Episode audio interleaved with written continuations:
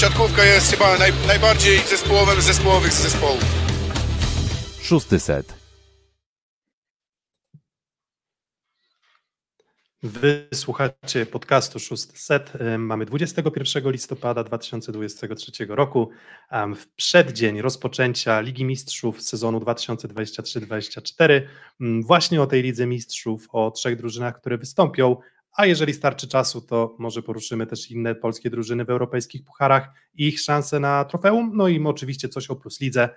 Na pewno te wątki będą się wszystkie przeplatać, natomiast to jest live głównie o E, Lidze Mistrzów, w której zobaczymy Zaksę, Jastrzębski Węgiel i Resowie Rzeszów. Ze studia w Warszawie wita Was Piotr Słoch. Ze studia z miasta jednego z uczestników tegorocznej siatkarskiej Ligi Mistrzów, ze studia w Rzeszowie Filip Korfanty, cześć. I ze studia jednego z uczestników Pucharu Challenge. Witam Was Kuba Lewandowski. Dokładnie, czyli a, wszystko się zgadza, nie mamy tylko reprezentanta zawiercia u nas, żeby dopełnić tego, tego pełnego cyklu wszystkich węgla. drużyn, które e, tak, ale mówię, że Lidz, mamy z Ligi A, Mistrzów, dobra. mamy Pucharów, z Pucharu Challenge, dobra, ale, nie mamy, ale nie mamy z Pucharu, nie mamy z Pucharu CEF.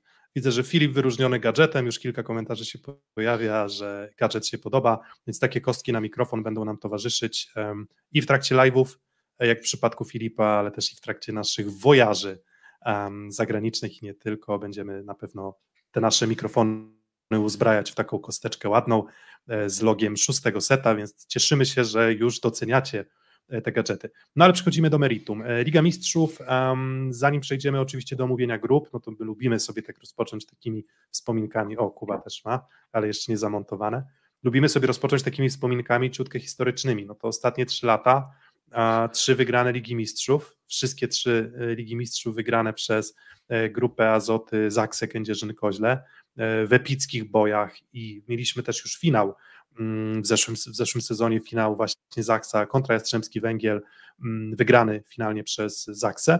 Um, bardzo długo, Kuba, walczyliśmy z tym, żeby dotrzeć na ten szczyt europejskiej siatkówki klubowej.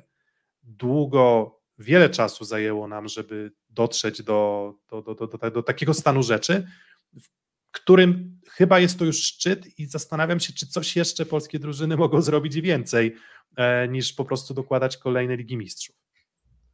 Piękny wstęp i ja zawsze będę podkreślał za każdym razem, że ta Liga Mistrzów jest bardzo mocno związana z szóstym setem, bo to ona pozwoliła nam tak naprawdę pierwszy raz bardzo mocno wypłynąć. Pamiętacie ten sezon 21, czyli 20-21 tak naprawdę, kiedy ruszały rozgrywki, były przerwy covidowe, wróciła Liga Mistrzów w normalnym formacie, bo 20 rok przerwane rozgrywki, brak szans dla, dla Jastrzębia, żeby powalczyć z Trentino. W 21 roku były te rozgrywki, Zaksa wyszła z grupy i spotkała się z Lubę.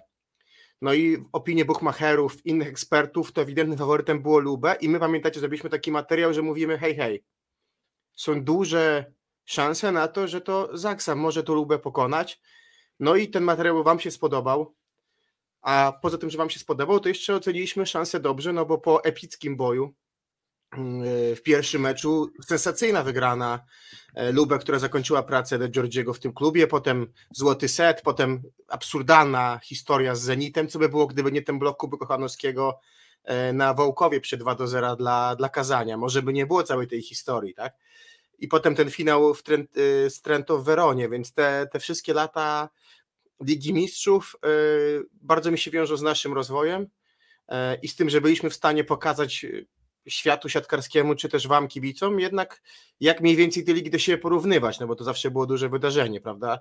I Filip, pamiętasz doskonale, jak razem oglądaliśmy ten finał w Weronie, w trójkę i te emocje po Asie Kaczmarka, myślę, coś niezapomnianego i najlepsze jest chyba to też, że mimo tego, że łatwiej wydaje się, że wejść jest na szczyt niż na nim zostać, to nam się na tym szczycie udaje zostać. No właśnie, w sumie nie myślałem o tym w ten sposób, że też jak sięgnę pamięcią, to Liga Mistrzów wygrywana przez polski zespół może mi się faktycznie kojarzyć właśnie z naszymi transmisjami i z tymi naszymi zapowiedziami, które zwykle cieszyły się większym wtedy zainteresowaniem niż nasze pozostałe odcinki. Też pamiętam taki odcinek pod tytułem Czy ten Zenit Kazań wciąż jest mocny i w nim właśnie na przykład pokazywaliśmy zdjęcie Nikoli Grbicia, Benatoniutiego właśnie w barwach Zenitu. No i wyszło nam na to, że ten Zenit może niekoniecznie już jest taki mocny i że Zaksa może ich jak to Paweł Brand krzyczy, łyknąć. Udało się wtedy, udało się też rok później, trzy, dwa lata później, no i to też dochodzi do kolejnego mojego przemyślenia, to znaczy jak Zenit Kazań wygrywał cztery razy z rzędu Ligę Mistrzów, to nam się wtedy wydawało, że to jest chyba jakaś inna w ogóle galaktyka grania w siatkówkę, bo w zasadzie mają pieniędzy pewnie jak lodu, płacą horrendalne kwoty i my nigdy do nich nie doskoczymy, a tak naprawdę stoimy w momencie, gdzie za kilka miesięcy Zaksa może stanąć na jednej platformie z Zenitem Kazań, czy chociażby z CSKA Moskwa lata temu, to jest kolejny rosyjski zespół, który obok Zenitu czterokrotnie z rzędu wygrał Ligę Mistrzów. Jeszcze niespełna 4-3 lata temu to się wydawało dla mnie przynajmniej totalnie nie do osiągnięcia, a już nie jest wcale tak daleko. Mm, to właśnie tak trochę wplatając wątki, nazwijmy to polityczne, ale to nie będzie bardzo polityczne, to partia jeszcze rządząca, ale pewnie już tego rządu, które nie utworzy następny raz, lubi mówić coś takiego o pedagogice wstydu.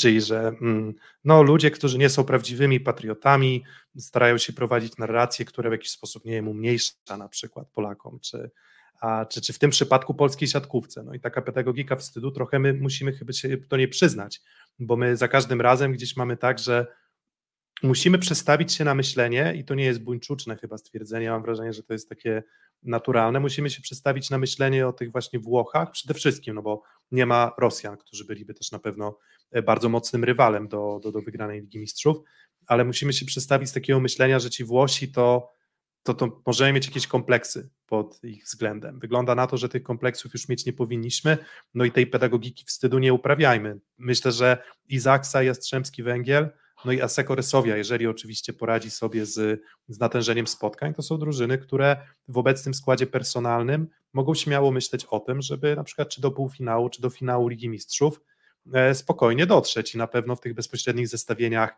e, czy z Lubę, czy już nie z Perugią w tym sezonie, ale z Trentino i z Piaczęcą, też nie wypadaliby na straconej pozycji. Natomiast, no to też wiecie, to, że mówimy o tym, że to jest e, Polska, Włochy, Kuba, no to trochę śmierdzi takim dualizmem trochę w tej naszej siatkówce europejskiej, że Polska, Włochy, a dalej bardzo niewiele nawet drużyn aspirujących może z Turcją, e, które mm, mogą w ogóle marzyć o tym, żeby z drużynami polskimi czy włoskimi wygrywać. Zdecydowanie. Ten duopol jest też widzialny na szczeblu e, federacji, jeżeli chodzi o organizację wydarzeń, jeżeli chodzi o finalistów nie do końca pewnie służy siatkówce, ale z pozytywnych stron, bo bez wątpienia sportowo znowu to pewnie się tak rozstrzygnie Polska, Włochy, Turcja. Poprzednie lata to były yy, dwukrotnie polski, dwa lata temu to był polski półfinał, włoski półfinał, rok temu dwie polskie drużyny, włoska i turecka i tak naprawdę po tym wyrzuceniu Rosjan ciężko mi sobie wyobrazić, że ktoś inny trafia, może Berlin, Natomiast na pewno pod kątem wizualnym, pod kątem Mm, jakby to powiedzieć też y, frekwencyjnym, dobrze wyglądają ligi niemieckie i dobrze wygląda liga francuska. Trochę inaczej jest z poziomem sportowym, to bez wątpienia. Natomiast ciężko w naszej analizie, które będziemy prowadzić potem, szukać faworytów poza tymi drużynami, to po prostu wynika z hierarchii lig. I to trochę tak jak w piłkarskiej Lidze Mistrzów, no, z całym szacunkiem, nie wiem, klub z Bruggi, klub Anderlechtu Bruksela, czy nawet zespoły portugalskie kapitalne, jak Sporting Benfica czy Porto, no szans na dojście do finału Ligi Mistrzów raczej nie mają, tak, my o nich mówimy jako ćwierćfinalistach potencjalnych, no ale wiadomo, że gdzieś ten finał zazwyczaj okupują drużyny z lig top 5, a tak naprawdę najczęściej angielskie i hiszpańskie. I tutaj tak samo musi być w tej siatkówce, jeżeli chodzi o drużyny polsko-włoskie, no bo środki, najlepsi siatkarze, no nie ma co ukrywać, że tak po prostu jest. Natomiast jeżeli mielibyśmy szukać, Filip, w tym roku jakiegoś zespołu, który może zaskoczyć, poza oczywistymi faworytami z Włoch e, i Polski, no to kogo ty byś widział jako człowiek, który, który tą siatkówkę europejską zna od podszewki? Może nie aż tak, ale myślę, że poszukałbym zespołu w Turcji, to znaczy z roku na rok wydaje się, że coraz większe pieniądze tam się pojawiają, jak gdzieś rozmawiałem z osobami z tamtego kraju 4-5 lat temu, to właśnie pojawiały się takie zapowiedzi, że turecka siatkówka będzie rosła w siłę. Jak spojrzymy na nazwiska, które są w stanie tureckie kluby przyciągać, o których będziemy mówić później, omawiając poszczególne grupy, ale choćby Mad Anderson, mm, Ngapet, Nimir, i kilka innych, to widać, że tam te pieniądze są spore i zespoły są zbudowane w sposób, który może w tej Lidze Mistrzów tegorocznej namieszać sporo. Nie powiem, że sięgnąć po złoto, ale daleko zajść na pewno. Pamiętamy historię z zeszłego sezonu, gdzie Halkbank, mający pewne mankamenty mimo wszystko, wyeliminował Lubę z Ligi Mistrzów po tym, jak e, Halkbank wygrał złotego seta. Um, oprócz tego jeszcze jest bardzo mocny Zirad Bankasi Ankara, a kto jeszcze z innego ewentualnie kraju, szczerze powiedziawszy nie widzę tego, pewnie można by powiedzieć, że Berlinie, ale, ale to jest za niska jednak półka tych graczy, którzy tam aktualnie są.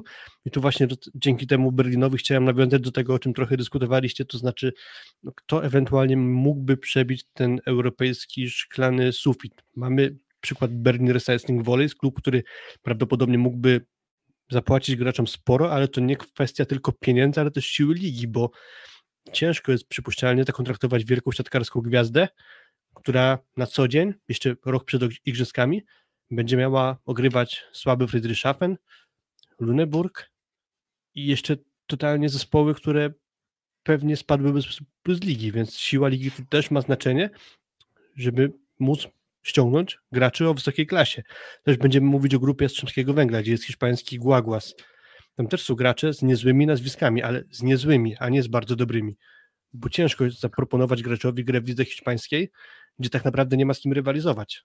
Ale pomieszkasz na Wyspach mm. Kanaryjskich przynajmniej. No to jest jeden z plusów i tak jak rozmawiałem z tamtymi osobami, to oprócz niezłych pieniędzy, które w tym klubie są, to właśnie pogoda, klimat, warunki życia na wyspie, to pewnie może takich siatkarzy, którzy już może niekoniecznie mierzą najwyżej przyciągnąć i właśnie tacy gracze tam trafiają, typu Nikolas Bruno czy Weigras wznawiający karierę, ale to czas na późniejszą dyskusję jeszcze. Mm, no właśnie zadałem to pytanie o, o tę taką e, trochę zabetonowaną rywalizację. Um, w zasadzie nawet jak wspominasz o tych klubach tureckich, to, to, to na pewno problemem klubów tureckich jest po prostu element turecki w tej drużynie, czyli nie jest problemem na pewno jakość samych obcokrajowców, tylko, mm, tylko samych Turków, chociaż no jakby nie patrzeć, Turcy w ostatnich już dwóch dużych turniejach na Mistrzostwach Europy i Mistrzostwach Świata zaprezentowali się w sposób, który daje nadzieję na to, że oni mogą być przynajmniej przyzwoitą, szeroką czołówką światową. Zresztą awans do, do Ligi Narodów, tak? Przecież e, też Turcji w, w tym sezonie. No i część z nich już niestety dla Turków nie gra w Turcji, bo oglądamy już na boiskach e, włoskich, czy tam na Gumdzije chociażby. Dokładnie, więc um, ta Liga Mistrzów siłą rzeczy możemy do tego uciekać, możemy próbować udawać, że jest inaczej, ale, ale myślę, że takie najrozsądniejsze mm, rozwiązanie tych, tych, powiedzmy, w całej rywalizacji pewnie skończy się na półfinałach polsko-włoskich, chyba że jakiś tam element drabinki. Natomiast też wiemy, że format chyba rozgrywek, jeżeli dobrze kojarzę, w tym sezonie ma być taki sam jak poprzednim, czyli dobry występ w grupie w jakiś tam sposób może ci dać potem łatwiejszego rywala na etapie mm, ćwierćfinału, prawda? Czy tam, czy tam tych paraży to nie, ale, ale na etapie ćwierćfinału. Więc myślę, że po prostu możemy przejść płynnie do grup um, i zaprezentować, przejść po prostu grupa po grupie i drużyna po drużynie, co tam nas czeka e, w tym sezonie, mm, w tym sezonie siatkarskiej Ligi Mistrzów. A już dosłownie za sekundę mm, pokażemy te zestawienie grup, skorzystamy ze strony mm, oficjalnej e, Ligi Mistrzów i, no i za sekundę już po prostu to powinno się pojawić. To co, widzicie już chyba na ekranach, potwierdźcie na czacie, dajcie łapkę w górę, jeżeli, jeżeli faktycznie tak jest, a jeżeli nie widzicie, to krzyczcie, że nie widzicie. No i tak się złożyło, że grupa A to grupa polska, no i tutaj w grupie A mamy grupę Azoty Kędzierzyn-Koźle, Knaka, Rozelare, Olympiakos Pireus i Zirat Ankara. Mm, od czego w zasadzie, czy jest jakaś drużyna, którą chcielibyście wziąć na tapet pierwszą, bo, bo, bo, bo możemy po prostu pójść w kolejności drużyn, które uważamy za najtrudniejszych rywali dla, e, dla Zaksy. Czyli co, Ankara? No myślę, że tak. Myślę, że chyba to jest ta koncepcja zaproponowana przed ciebie jest bardzo fajna, bo gdzieś będziemy gra robić gradację już i będzie wiadomo, kogo widzimy na którymś miejscu. Yy, Zirat Bank Ankara myślę, że bohater dość ciekawego transferu z lata, y, kiedy mówi, mówiono, że kontrakty rosyjskie są trudne do rozwiązania, a tutaj proszę, Matt Anderson, niesłynący z największej wierności co do, co do zobowiązań kontraktowych, udało mu się rozwiązać kontrakt z Zenitem Sankt Petersburg i trafić do Turcji. Turecka liga, co będziemy na pewno tu wiele razy podkreślać, ma ten plus w kontekście sezonu olimpijskiego, że tego grania jest oczywiście mniej niż, mm, niż w Polsce czy, czy nawet we Włoszech. Tym niemniej oni też, na, jak widać z mediów społecznościowych, chociażby Halbanku Ankara, przemieszczają się po kraju raczej autokarami, więc tutaj pewnie poziom podróży i zmęczenia, mimo mniejszej ilości spotkań, może być zbliżony. Mm, no i trafił Anderson, i może to miał być jakiś game changer w postaci tego, że może ta drużyna rzeczywiście postawi się w sposób kolejny raz y, drużyną pozostałym, czyli Halbankowi, czy chociażby Fenerbahce. Y, no i jak się zaczęło, Filip? Jak ten sezon zaczęli zawodnicy z Ankary? Mm, sięgnęli na starcie, zdaje się, po Superpuchar Turcji, ogrywając Halkbank.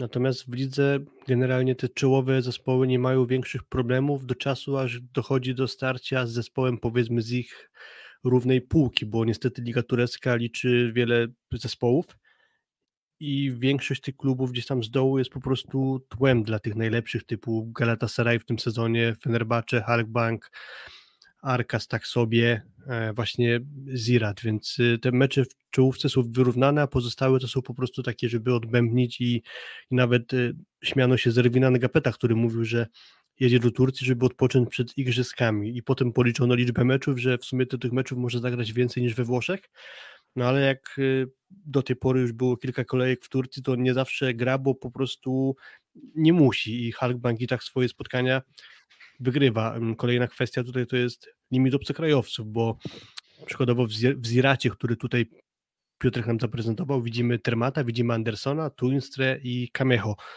To jest czwórka graczy obcokrajowców, a na boisku jednocześnie może być ich tylko trzech, więc y, w przypadku akurat Ziratu szóstka w tym sezonie w lidze jest w miarę stała, to znaczy rozgrywa Arsan Exi, na ataku gra Walter Termart, który jest swoją drogą w ostatnich latach bodaj najlepszym graczem tej ligi, jeśli podsumować kilka ostatnich sezonów.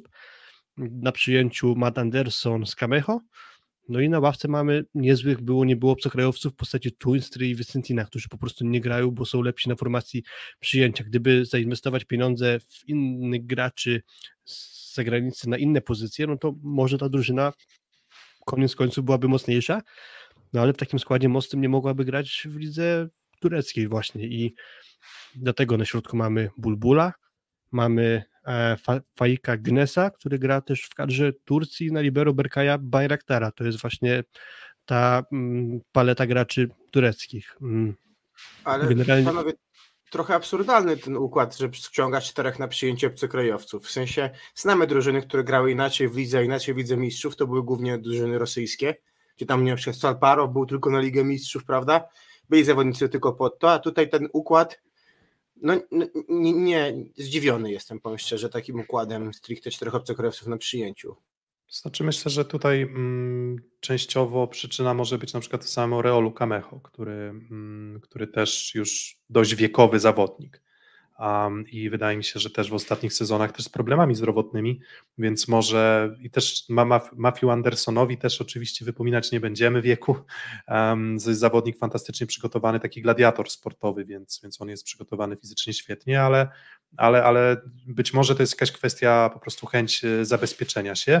Plus wiesz, no jak wybierasz dwóch, e, jak wybierasz dwóch przyjmujących e, z zagranicy, no to potem w zasadzie już sobie dowolnie rotujesz, tak? Wtedy w zasadzie po co masz stawiać na, na Turków? Możliwe, że to natężenie spotkań, no to może, nie wiem, zadanie Vincentina czy Tuństry może być bardziej związane z ogrywaniem tych drużyn słabszych w lidze tureckiej, a na przykład nie, niekoniecznie a niekoniecznie w lidze mistrzów. E, Arwena 165 się śmieje, że Bulbul najlepszy środkowy mistrz Europy, bo tam w tym losowaniu chyba na kanale YouTube'owym e, CEF chyba faktycznie turecki turecki ruch, który naganiał na głosowanie na tego środkowego, faktycznie chyba wygrał mu, wygrał mu tę nagrodę. Piotrek, jak Więc... się nazywa, jak mówimy na Turka, który pije bardzo szybko piwo? Ból, ból.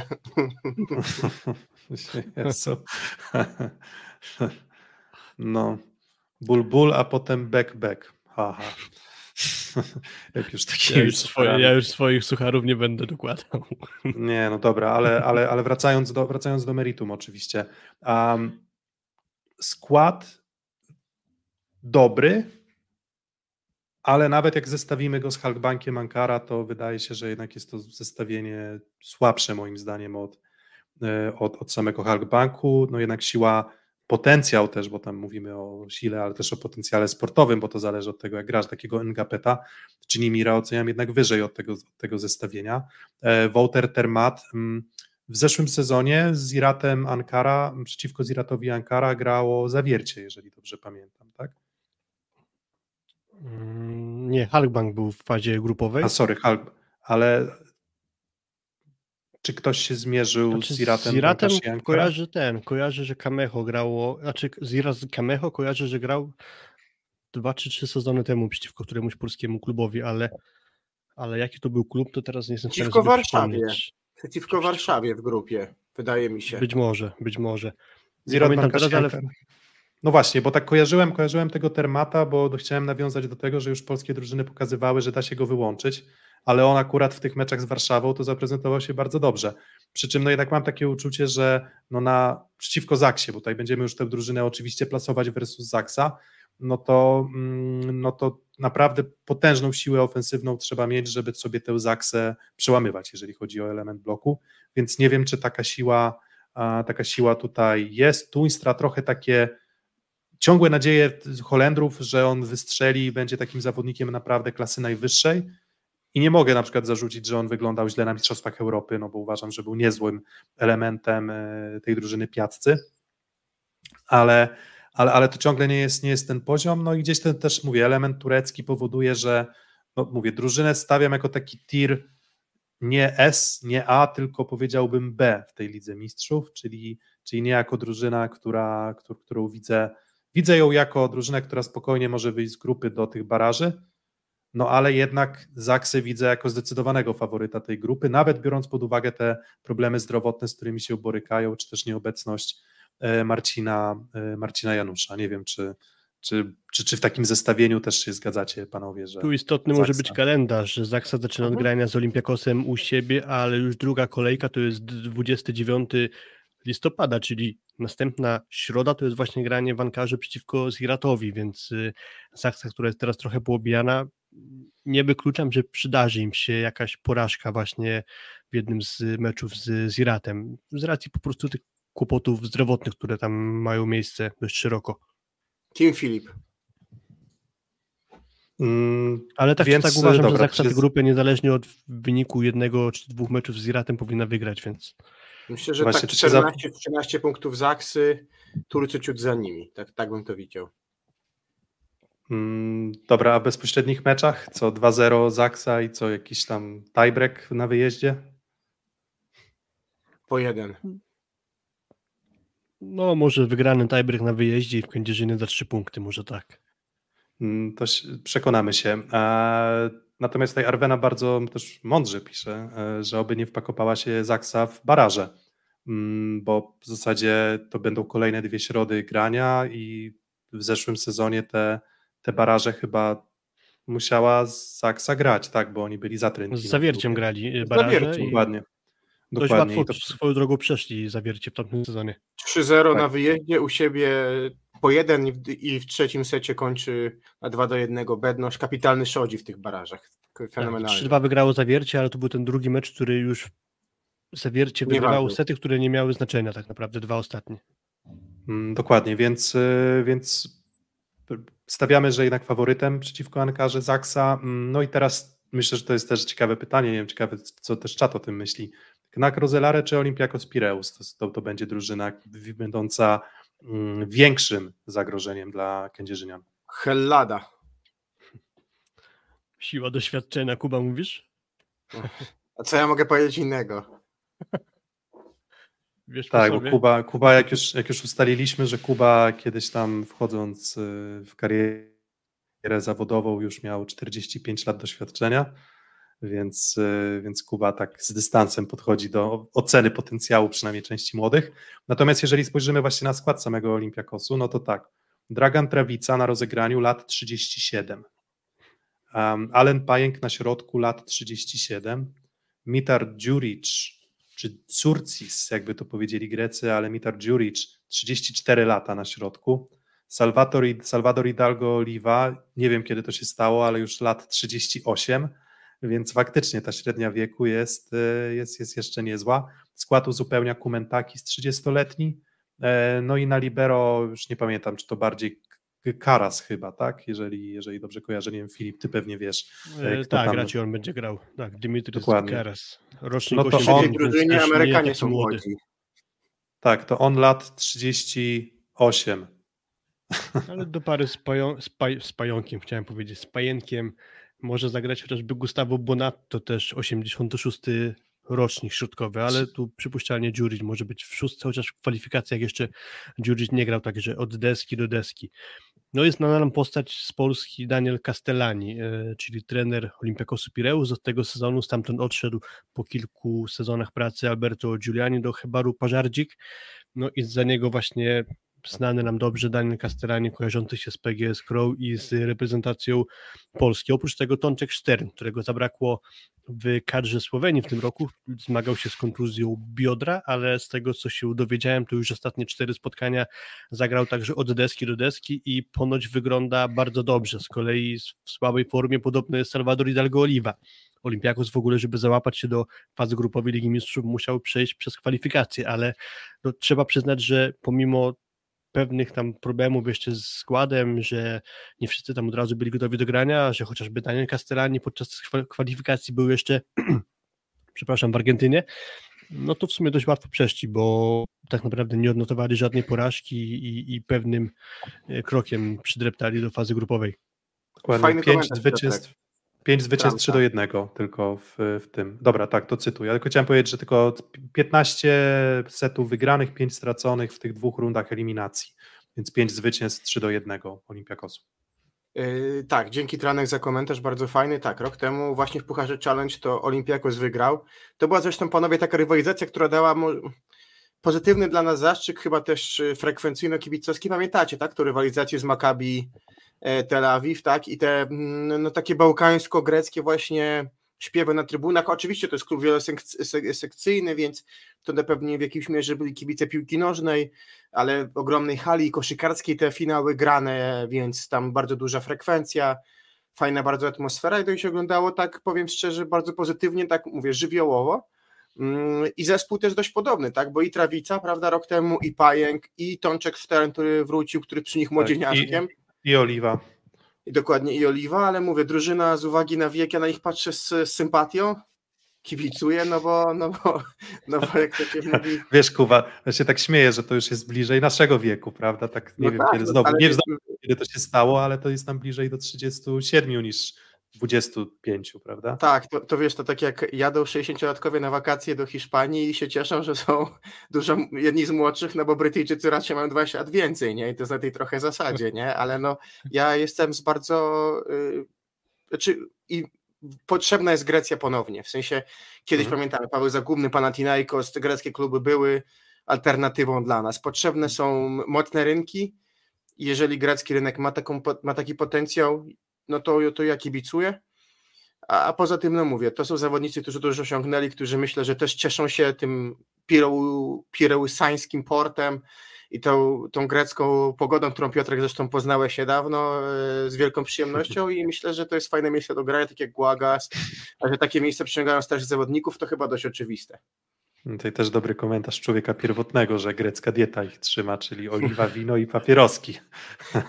I tak, i tak to, to tak, tak mi trochę wyglądają, tak? Jak sobie wyobrażam sobie trawicę, który tam po meczu siedzi i jara sobie mocnego czerwonego, mocną Z Castellanim. Dokładnie. A, więc, więc, ale wiecie, ale bo to jest tak, że bardzo mocno idziemy w stronę wieku, natomiast no to cały czas właśnie, po pierwsze jest drużyna, która jakbyśmy nie, nie, nie, nie, nie próbowali szukać no to wygrała ten Puchar Challenge. I oczywiście tam po drodze um, gdzieś tam Panathinaikos, jak tak przeglądam, Stieła Bukareszt, Komarno ze Słowacji, um, więc to nie są drużyny, które byłyby na pewno jakimiś tuzami, więc ta drabinka może, może pomogła, natomiast znowu, ten Puchar Challenge w tym momencie pokazuje tak naprawdę, kto jest mocny z tego szeregu trzeciego, no bo jak mówimy, że pierwszym są powiedzmy Polska, Włochy, drugim to tam, nie wiem, Turcja, może Francja, może Belgia, czy, czy, czy Niemcy z Berlinem, no to, to ten trzeci szereg myślę, że udowadnia to. Ja się zgadzam, Kuba, że bardzo by się przydał ten, ten mocny Olimpiakos, natomiast no nie wiem, Juric też nieźle wyglądał na Mistrzostwach Europy, Pajek dobrze wyglądał na Mistrzostwach Pajek Europy. Pajek jest kotem cały czas, dokładnie. Tak. E, Stern e, ponoć wrócił do, do zdrowia, Filipi też wygląda, e, wygląda bardzo dobrze, więc no to jest drużyna bardzo grana. Wolałbym może, nie wiem, jakieś tam świeże nazwisko greckie w drużynie. Mam wrażenie, że tego doświadczenia jest może nawet trochę za dużo. Jeszcze raz? Jakiś Fettis na przykład. No, nie wiem do końca, ale...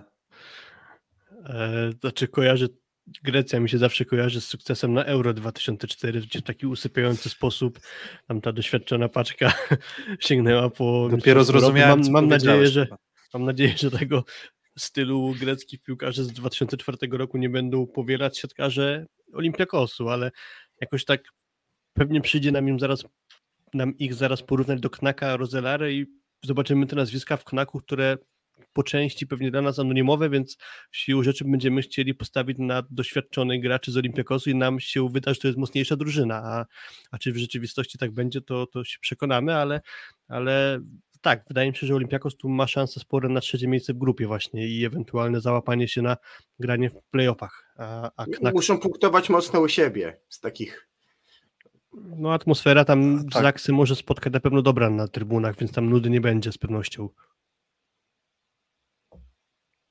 Widzicie już skład znaczy, Knaka Wiecie, z tą atmosferą to jeszcze tak się nie rozpędzajmy, bo mówię, że z tą atmosferą się nie rozpędzajmy, bo bywa bardzo różnie i, i bardzo często jest tak, że to jest klub wielosekcyjny o fan, z fanatycznymi kibicami, ale te obrazki z Maccabi też wynikały z tego, że po prostu była to okazja do zdobycia trofeum, która motywuje wielosekcyjnie ludzi, którzy normalnie siatkówką nie są zainteresowani. Ja sam pamiętam jeszcze, pamiętam jeszcze z czasów Zagumnego czy Murka grających w Panathinaikosie e, obraz taki, że no przeciętny mecz niekoniecznie podgrzewał kibiców. Jeżeli to nie były derby, jeżeli to nie były mecze właśnie przeciwko Panathinaikosowi, Paokowi, a, czy, czy, czy bardzo mocne, ale wierzę, że nie, w ogóle wiecie, w której sali będą grać? Czy to będzie ta duża sala, z którą grali z Maccabi, czy, czy mniejsza? No bo to do tego też będzie zależeć może to, jak będzie mocno to promowane. No ale będzie przyjeżdża mistrz Europy do, do Olimpiakosu, to może to ich zmotywuje. Dokładnie. Um, Knak Rozelare, drużyna, która rozpoczęła sezon od bilansu 5 do 1 w lidze. Widzicie ten skład na ekranie, ja może odrobinę go powiększę, bo nie jestem w stanie złapać chyba wszystkich nazwisk w takim układzie. No ale tak, e, dużo nazwisk, które albo przewijały się w reprezentacji Belgii i to jest siła doświadczenia Dulsta, to jest siła doświadczenia e, Verhanemana, to jest siła doświadczenia Petera Kolmana. Wszyscy zawodnicy 34, 35 i 32 lata i to są zawodnicy, którzy w tym zainteresowaniu mm, Zaniniego na pewno byli, byli też w szerokim składzie e, bądź w tym, bądź w tym węższym reprezentacji Belgii.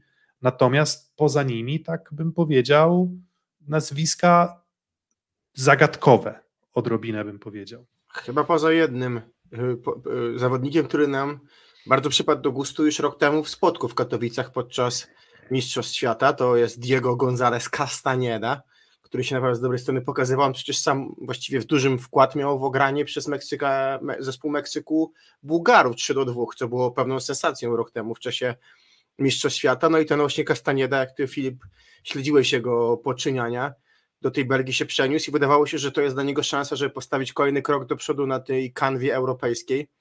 I to jest taka trochę historia, może nie wiem, Skurasia odpowiednio, czy jakichś piłkarzy, prawda, polskich, którzy trafiają do tej ligi belgijskiej jako takiej pewnej kuźni, no to ta liga też mi się kojarzy z przeszłości, jako właśnie drużyny Masejk czy Rozelary, jako miejsce pewnego rozwoju, chociażby, chociażby Janka Fiedleja, ale chyba ten Castaneda troszeczkę zawodzi, może, może gdzieś ta, ta, ta, ta belgijska pewnie deszczowa pogoda listopadowa i, i, i jesienna nie sprzyja. No właśnie teraz specjalnie patrzyłem na telefon, czy przypadkiem jakiejś nowej wiadomości nie dostałem, bo problem z nim jest taki, że on zagrał kilka spotkań na poziomie powiedziałbym przeciętnym, a od kilku meczów w ogóle go nie ma na boisku i próbowałem się zasięgając gdzie niegdzie języka dowiedzieć, co się wydarzyło, że on po prostu ostatnio nie gra. Niestety na ten moment mi się to nie udało, więc nie jestem w stanie określić, czy to jakaś kontuzja, czy może po prostu na razie jest za słaby, żeby, żeby go wypuszczać w pierwszej szóstce. Natomiast y, Knag Rozelary przeszedł dwie główne zmiany względem poprzedniego sezonu. Właśnie za, na ataku odszedł Kukarcew do Ligi Francuskiej, to był ich główny motor napędowy, można tak powiedzieć, oraz Mart Tamaru, Estończyk, również do Ligi Francuskiej, do Tour poszedł. No i na ataku jest ten Castaneda, który gra albo słabo, albo nie gra wcale i do tej pory w to był ich największy kłopot, bo o ile na przyjęciu można mówić o tym, że raczej na pewno przeciwko Zaksie wyjdzie Verhaneman i prawdopodobnie Simon Plaski, no to co będzie na ataku tak naprawdę nie wiadomo, znaczy, bo i próbowano znaczy, tego drugiego. To znaczy Simon Plaski to, to, to akurat w ostatnim meczu ligowym to on w ogóle wystąpił na pozycję atakującego.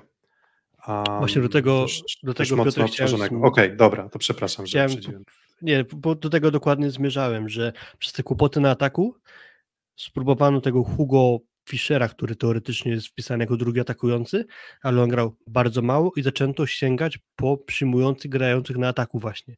I stąd między innymi ten Simon Plaski, który grał na ataku w ostatnim meczu, no i chociażby ten Jasper Wikstra, czyli Holender ściągnięty z Ligi Francuskiej teraz, też swój epizod na ataku zaliczył, więc ta pozycja jest dość płynna póki co i chyba zabraknie tam jakości Kukarcewa, stąd podejrzewam, że jeszcze wraz z odejściem Tamearu, ok, na przyjęciu to nie będzie jakaś duża dziura z Verhanemanem, Plaskim i ewentualnie z Rottym jeszcze, no to na ataku trochę odejścia może brakować, plus ten Steam Duels, który jest dziurą bloku, można tak powiedzieć, stąd pewnie końcowe wnioski będą takie, że o ile w lidze belgijskiej oni w stanie są dominować, bo wygrywają ligę od, od lat, teraz już wygrali super puchar, na początku przegrali tylko jeden mecz w lidze, gdy jeszcze nie było wszystkich graczy do dyspozycji trenera Stevena Van Medegela, to później już komplet wygranych, bez problemu weszli do półfinału Pucharu Belgii, a na przykład Noliko, czy tam Grignard Marseille już odpadło z Pucharu Belgii, to Knak idzie pewnym krokiem, ale na granie w fazie grupowej Ligi Mistrzów to wciąż może być za mało.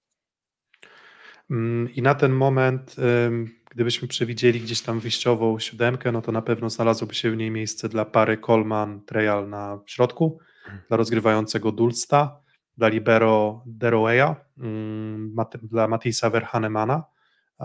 No i dalej to to już w zasadzie trudno powiedzieć jeszcze, jak to będzie wyglądać. Jakieś tam małe spojrzenie na cyfry było takie, że na przykład Castaneda, no to ta efektywność ataku w lice to poniżej gdzieś tam 30%, co jest takim wynikiem, powiedziałbym, raczej z doświadczenia takim sobie, gdzieś te 35-38 to byłoby dobrze.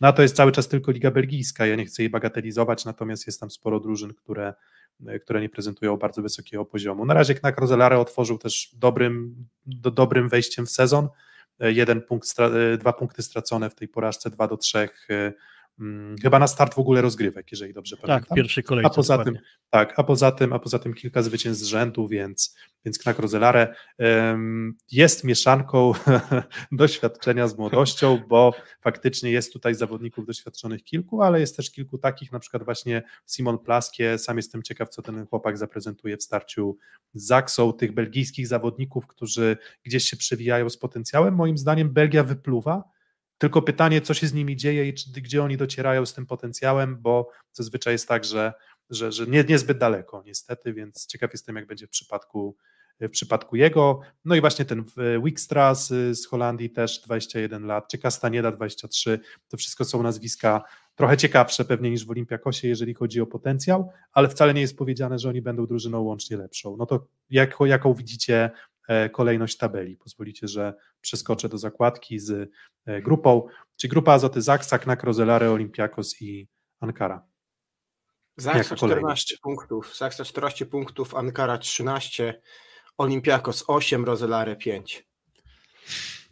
Moja szklana kula nie obsługuje liczenia punktów, więc ja tylko powiem, że Zaksa powinna wygrać swoją grupę. Na drugim miejscu widzę Zirat, trzeci Olympiakos i na końcu Knak, Rozelare i pod kątem e, też rywala w, mm, w, w, w ćwierćfinale. Jest tak, że mm, w zeszłym roku, w zależności od tego, jaki miałeś bilans w grupie, no to plasowałeś się w drabince wyżej lub na lepszym miejscu lub na gorszym. Więc osobiście, jak spoglądam, dajmy na to na, nie wiem, Piaczence, spoglądam na Jastrzębski Węgiel, spoglądam na grupę mm, też Lubę czy Witanowy, to mam takie uczucie, że Zaksie może być trudno być w tej na przykład czołowej trójce zwycięzców grup.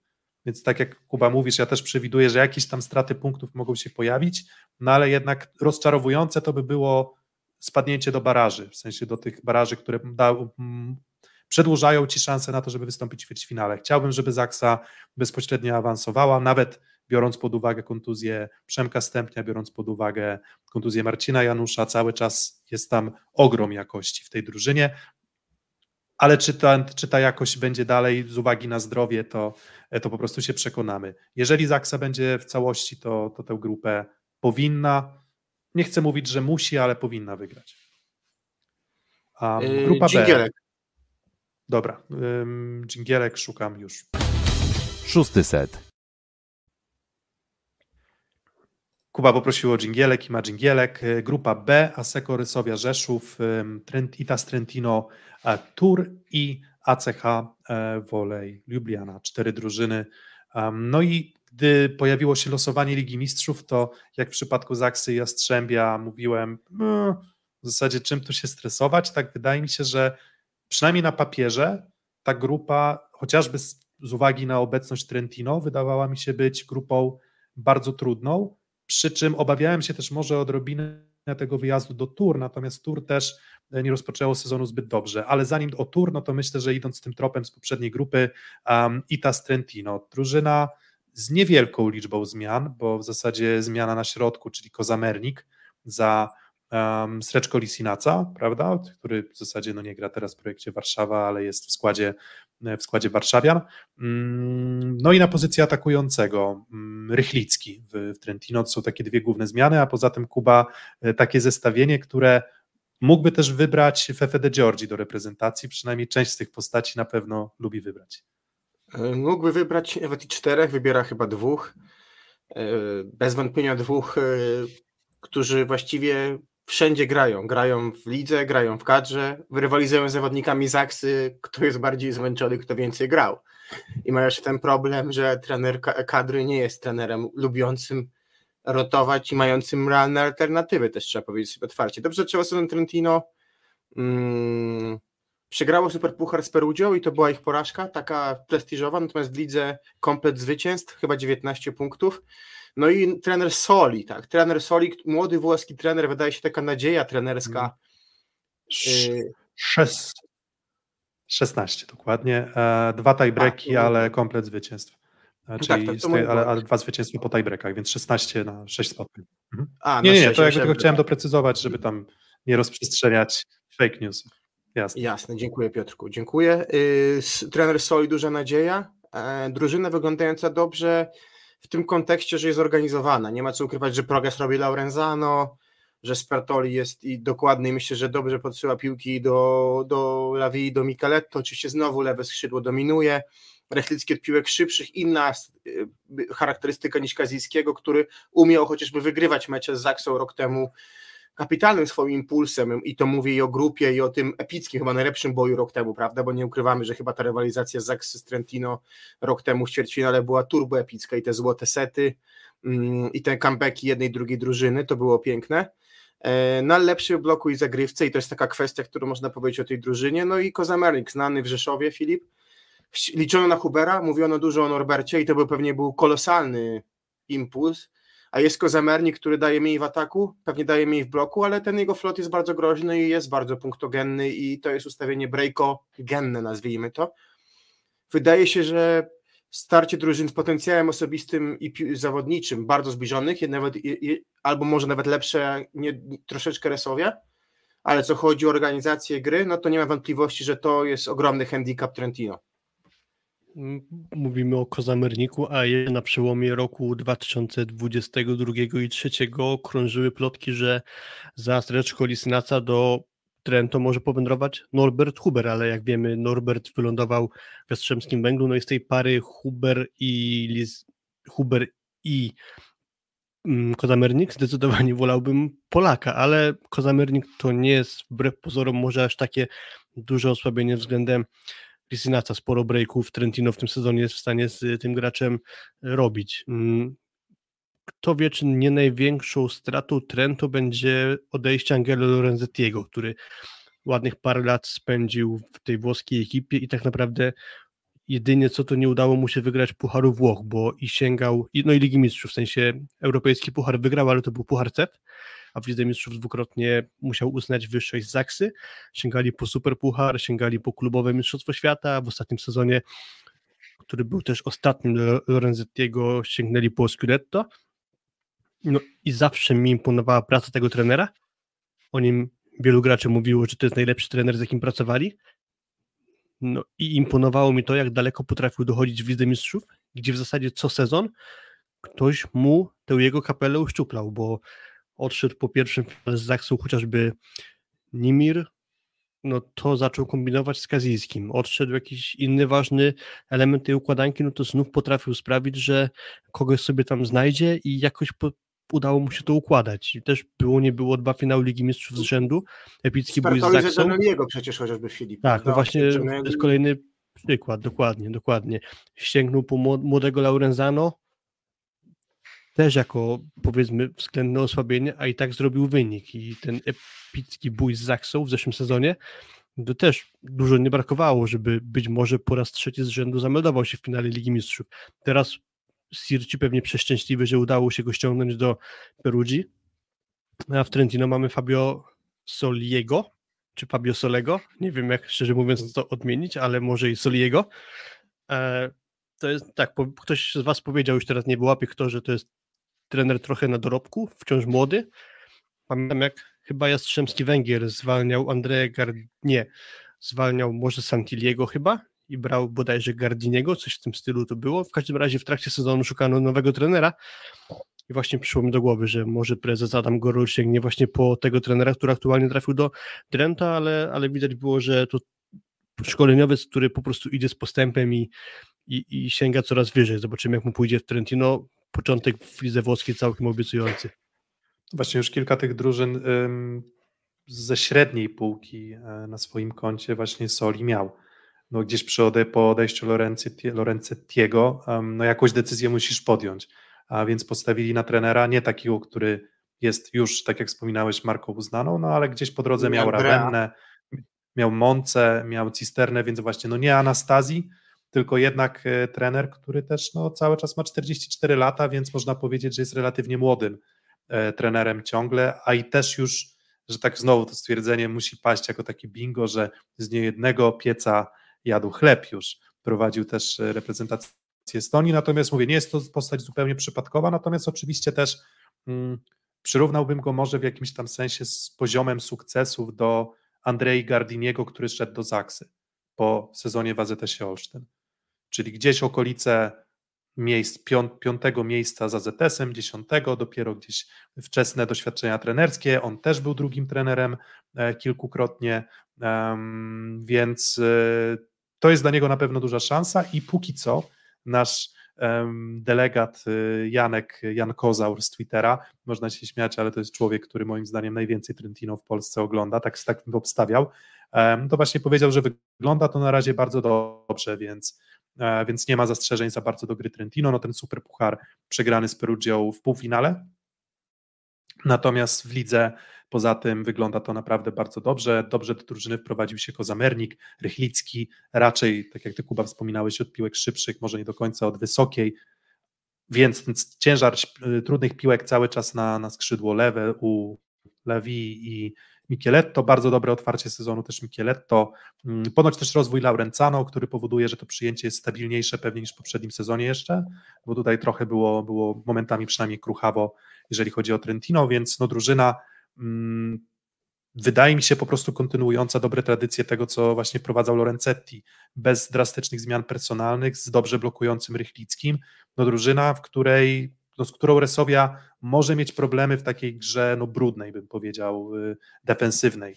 Um, oczywiście, Resowia ma ogromny potencjał na zagrywce, ale, ale właśnie tej zagrywki no, może potrzebować, żeby, żeby sobie troszeczkę Trentino na boisku ustawiać, no ale rywal z najwyższej półki nie bez powodu, nie bez powodu w okolicach mm, wygra, wygranej Ligi Mistrzów w ostatnich latach, no ale Zaksa im trochę przeszkadzała.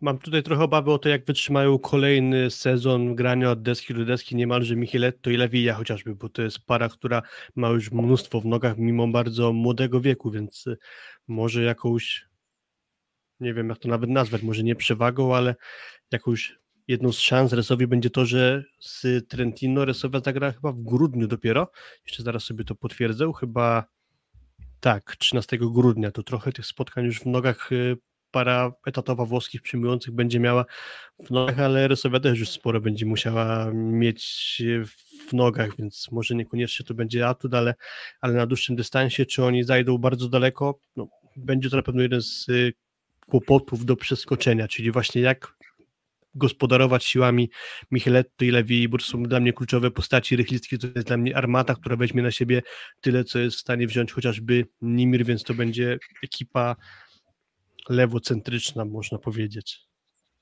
Mm, ja stawiam Resowi w tych meczach z Trentino cel dwóch punktów. Tak myślę, w sensie, że dwa lub więcej powinno, jakby, że to jest dla mnie taki wynik, który Resowia śmiało może, może osiągnąć. Przy czym oczywiście wspominamy o tym wielokrotnie. Izaksa i Jastrzębski Węgiel są drużynami, które już się otrzaskały z graniem co trzy dni.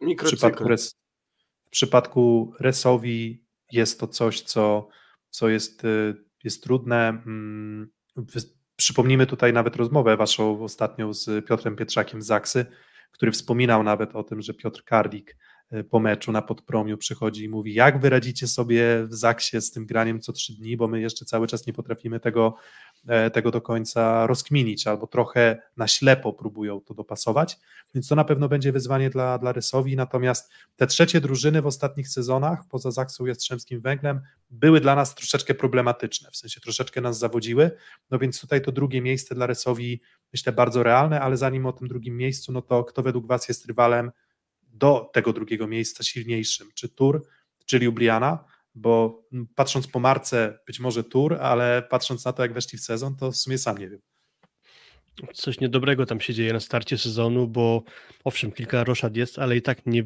nie zapowiadało się na to, że oni w pierwszych siedmiu kolejkach będą mieli za sobą tylko dwa zwycięstwa. Jedno z Beniaminkiem, a jedno z bardzo słabą bądź przeciętną w ostatnich latach ekipą Poitiers.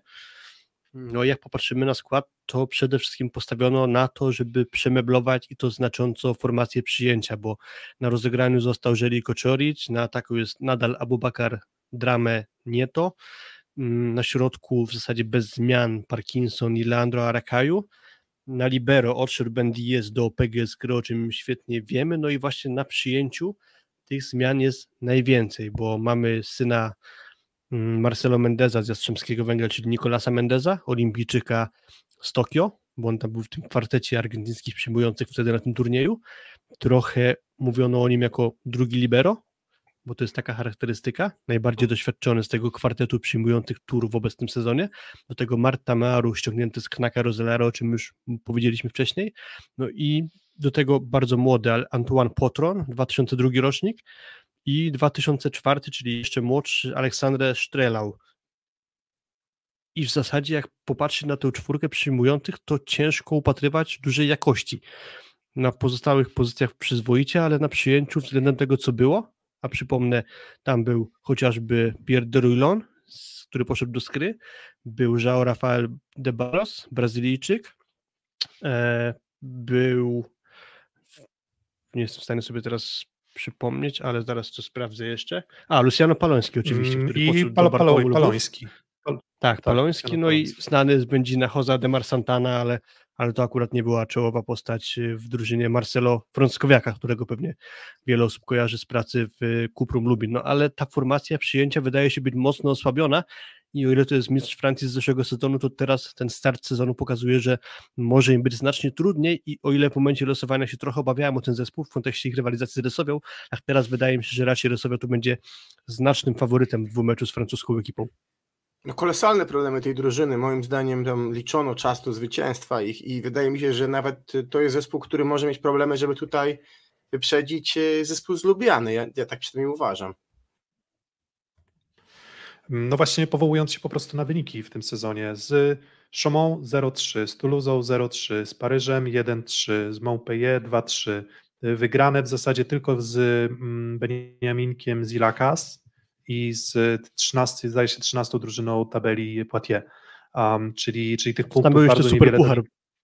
Tam był tak, jeszcze po drodze tak. Super Puchar, który akurat trzeba przyznać, że Chamon wygrali w starciu Super Puchar Francji, ale to był mecz dawno temu na starcie sezonu, więc wiemy jak to bywa na początku po prostu rozgrywek, że nie wszyscy jeszcze zgrani, nie wszyscy w pełnym składach i tak dalej, więc może nie do końca tamten mecz należałoby brać poważnie, ale to, że oni przegrają 5 z 7 startowych meczów, to było dla mnie coś nie do wyobrażenia jeszcze jakiś czas temu.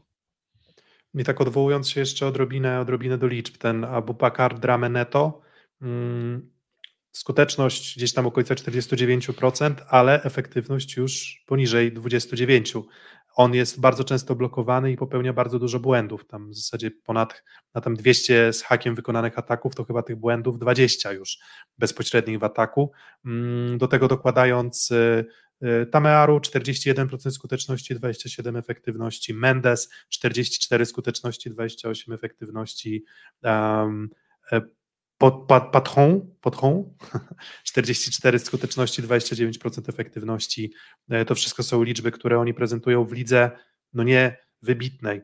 Um, I zawsze mam takie uczucie, że jeżeli chcesz kogoś tam szukać, to nawet te liczby Palońskiego już, czy, czy, czy, czy Derwiona e, wyglądały dużo lepiej. Um, więc to jest na pewno problem Tur. Um, właśnie skuteczność ataku w tym momencie. Zobaczymy, czy tę grę ofensywną jakoś Żeliko Czoric poukłada. Ja oczywiście mam jakieś tam wspomnienia traumatyczne, jak sobie pomyślę o polskich drużynach, które jechały do Tur, bo nawet projekt Warszawa przecież przegrał, jeżeli dobrze pamiętam, w tym swoim występie chyba dwa czy, dwa, czy trzy sezony temu pojechali do Tur, wydawało się, że powinni wygrać. To był ten sezon, nie wiem czy pamiętacie, Benfica, Tur w Warszawie i, i chyba rosyjska drużyna, jeżeli dobrze pamiętam. Hmm. Kemerowo A... albo Fakieł? Kemerowo chyba. Dokładnie, Kemerowo. Ale, ale to w każdym razie zmierzam, że ten mecz z Tur, jeżeli to jest dobrze przygotowany Tur, takie, bo to tam trochę cyklicznie to przychodzi, zdarza się im budować drużyny fantastyczne, zdarza się drużyny, które trochę się zlewają w przeciętności w lidze francuskiej, no to teraz się zlewa, więc mówię, tutaj moim zdaniem zadanie dla Resowi jest łatwe, czyli, a, czyli 6 punktów e, Resowia powinna, powinna przywieźć. Trudny mecz wyjazdowy, no ale powiedzmy te 5 też będzie, będzie w porządku. Natomiast Znamy widzę tutaj bardzo mocnego Dokładnie. A teraz może dla Was, Piotrek, zadanie, bo jest Was ponad setka, a mamy 30 apek w górę, także może ogromna prośba, żeby trochę podpompować algorytmy w tej chwili. Także serdeczna prośba dla Was, jeżeli oglądacie, słuchacie, jesteście z nami na bieżąco, o łapkę w górę. Łapka w, górę, subskry- łapka w górę, subskrypcje i też na pewno komentarz pod tym filmem by nam nie zaszkodził, więc warto karmić algorytm YouTube'a, my na tym zyskujemy i możemy dotrzeć do szerszej liczby osób. Zatem w komentarzach, żeby Wam ułatwić, żebyście się nie musieli zastanawiać, mm, dajcie znać chociażby na jakich lokatach zakończą polskie drużyny w fazie grupowej Ligi Mistrzów? O tak. Dokładnie. Albo możecie powiedzieć, że nie wiem, Kuba ma ładną fryzurę i to też będzie w porządku. Albo mamy ładną kostkę prosił Warszawę.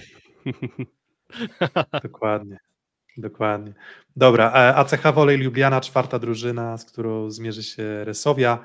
Um, jeżeli chodzi o zestawienie personalne, no to jest tam kilka postaci, które skąd inąd nam się kojarzą. Um, no bo tak, na ataku Nikola Georgiew, a na przyjęciu Allen Szket, który zdaje się, że w Radomiu, jeżeli dobrze pamiętam, się zahaczył, ale tam jakieś problemy, nie wiem, czy on nawet, chyba nie do końca sezonu epizod. w ogóle. Tak, tak, jeszcze na tak, starcie krótki epizod w, w Radomiu. Kontrakt. Gwiazdą absolutnie numer jeden jest libero Jani Kowacic, który no, też na Mistrzostwach Europy pokazywał spektakularną grę i jest no, bez wątpienia rdzeniem, takim elementem takiego kręgosłupa tej drużyny.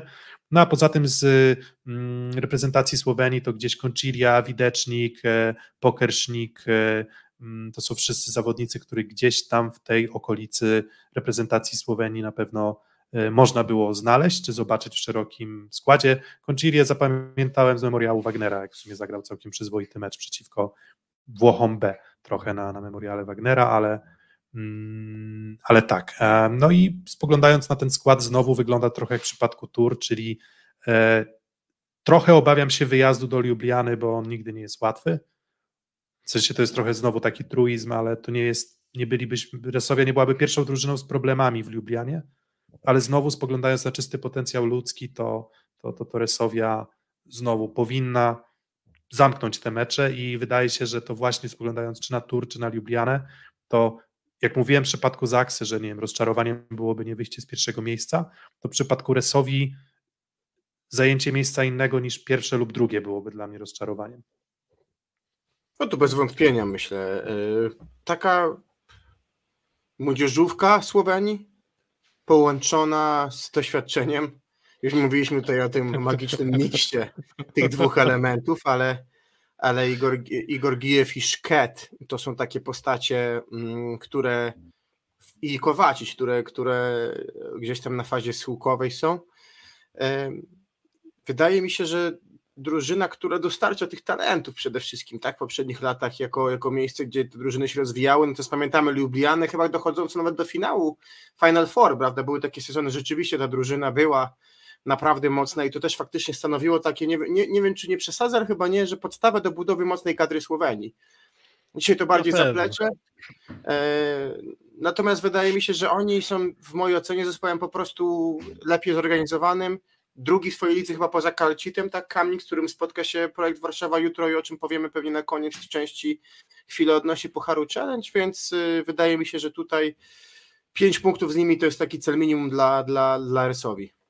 Mhm. Jakiś tam przeskok ten klub na pewno stanowi do kadry reprezentacji Słowenii, a co do porównania tej ekipy z zeszłym sezonem, odszedł Wuk Todorowicz do Radomia, co jest na pewno duże osłabienie, odszedł Matej Kok, do Ligi Koreańskiej i o nim ostatnio czytałem, że zdobył 49 punktów w jednym meczu. To nie był gracz, który raczej kojarzył mi się z niesamowitą siłą ofensywną, a jak on jest w stanie tak, zrobić... on w, w MKS-ie Będzin, prawda? Grał. Tak jest. To raczej był gracz taki powiedzmy wyważony i to może nawet na wyrost powiedziane. A jak on jest w stanie zdobyć 49 punktów w lidze koreańskiej, to nie wiem, czy dobrze świadczy o nim, czy źle o lidze koreańskiej, ale w każdym razie jego już w Lublanie nie ma. E, myślę, że kluczowe osłabienie to będzie właśnie Wuk Todorowicz, który trafił do Radomia, ale myślę, że ciekawe nazwisko, które warto wypowiedzieć, Nate Najdic, rozgrywający ściągnięty z Maribora, rocznik 2006, mimo że bardzo młody, podobno gigantyczny talent i nie byłbym zdziwiony, gdyby to właśnie gracz, policzmy 14-17-letni, po prostu odpowiadał za rozegranie w tej drużynie, więc y, będzie kogo obserwować z pewnością. A co do ich hmm. siły, jakoś specjalnie się obawiam. Myślę, że czwarta lokata tabeli Tours powinno się na trzecie dźwignąć, ale Trentino i Rosowe zajmą dwie pierwsze lokaty. Kto wygra grupę? Lekka przewaga widzę Trentino. Właśnie jedyne, jedyne tak naprawdę, czego mi brakuje w tej drużynie, znaczy czego, no, wielu rzeczy może mi brakować, ale mm, jeden ciut lepszy obcokrajowiec na przyjęciu, myślę, żeby stanowił trochę mocniej sile ognia, no bo tam Georgiew, mm, powiedzmy jak na standardy Lubliany, wydaje mi się, że to transfer przyzwoity, chociaż polskiej ligi nie, nie zawojował w barwach y, Oniko Warszawa, mm, król Niko w barwach Oniko. I dlatego wydaje mi się, że, że, że Ljubljana może faktycznie z tur przegrać, chociaż tak jak mówię, to tur też jest raczej w stanie jak na razie degrengolady sportowej. Nie, że Resowia jest w jakimś tam, nie wiem, wybitnej formie, jak się wydaje na początku sezonu, no ale, ale ostatni mecz za ZS-em na pewno bardzo udany. No dobra, no to typy na grupę? Trentino tak numero uno, Resowia due, Ljubljana tre i Tur quattro. No to tak jak powiedział Kuba z tą różnicą, że Tur na miejscu trzecim dla mnie, a Lublana zamknie tabelę. Ja mam, ja mam takie uczucie, że Resowia, mm, jakby kluczowe mecze są z punktu widzenia ich kontynuacji gry i na przykład dotarcia do ćwierćfinału.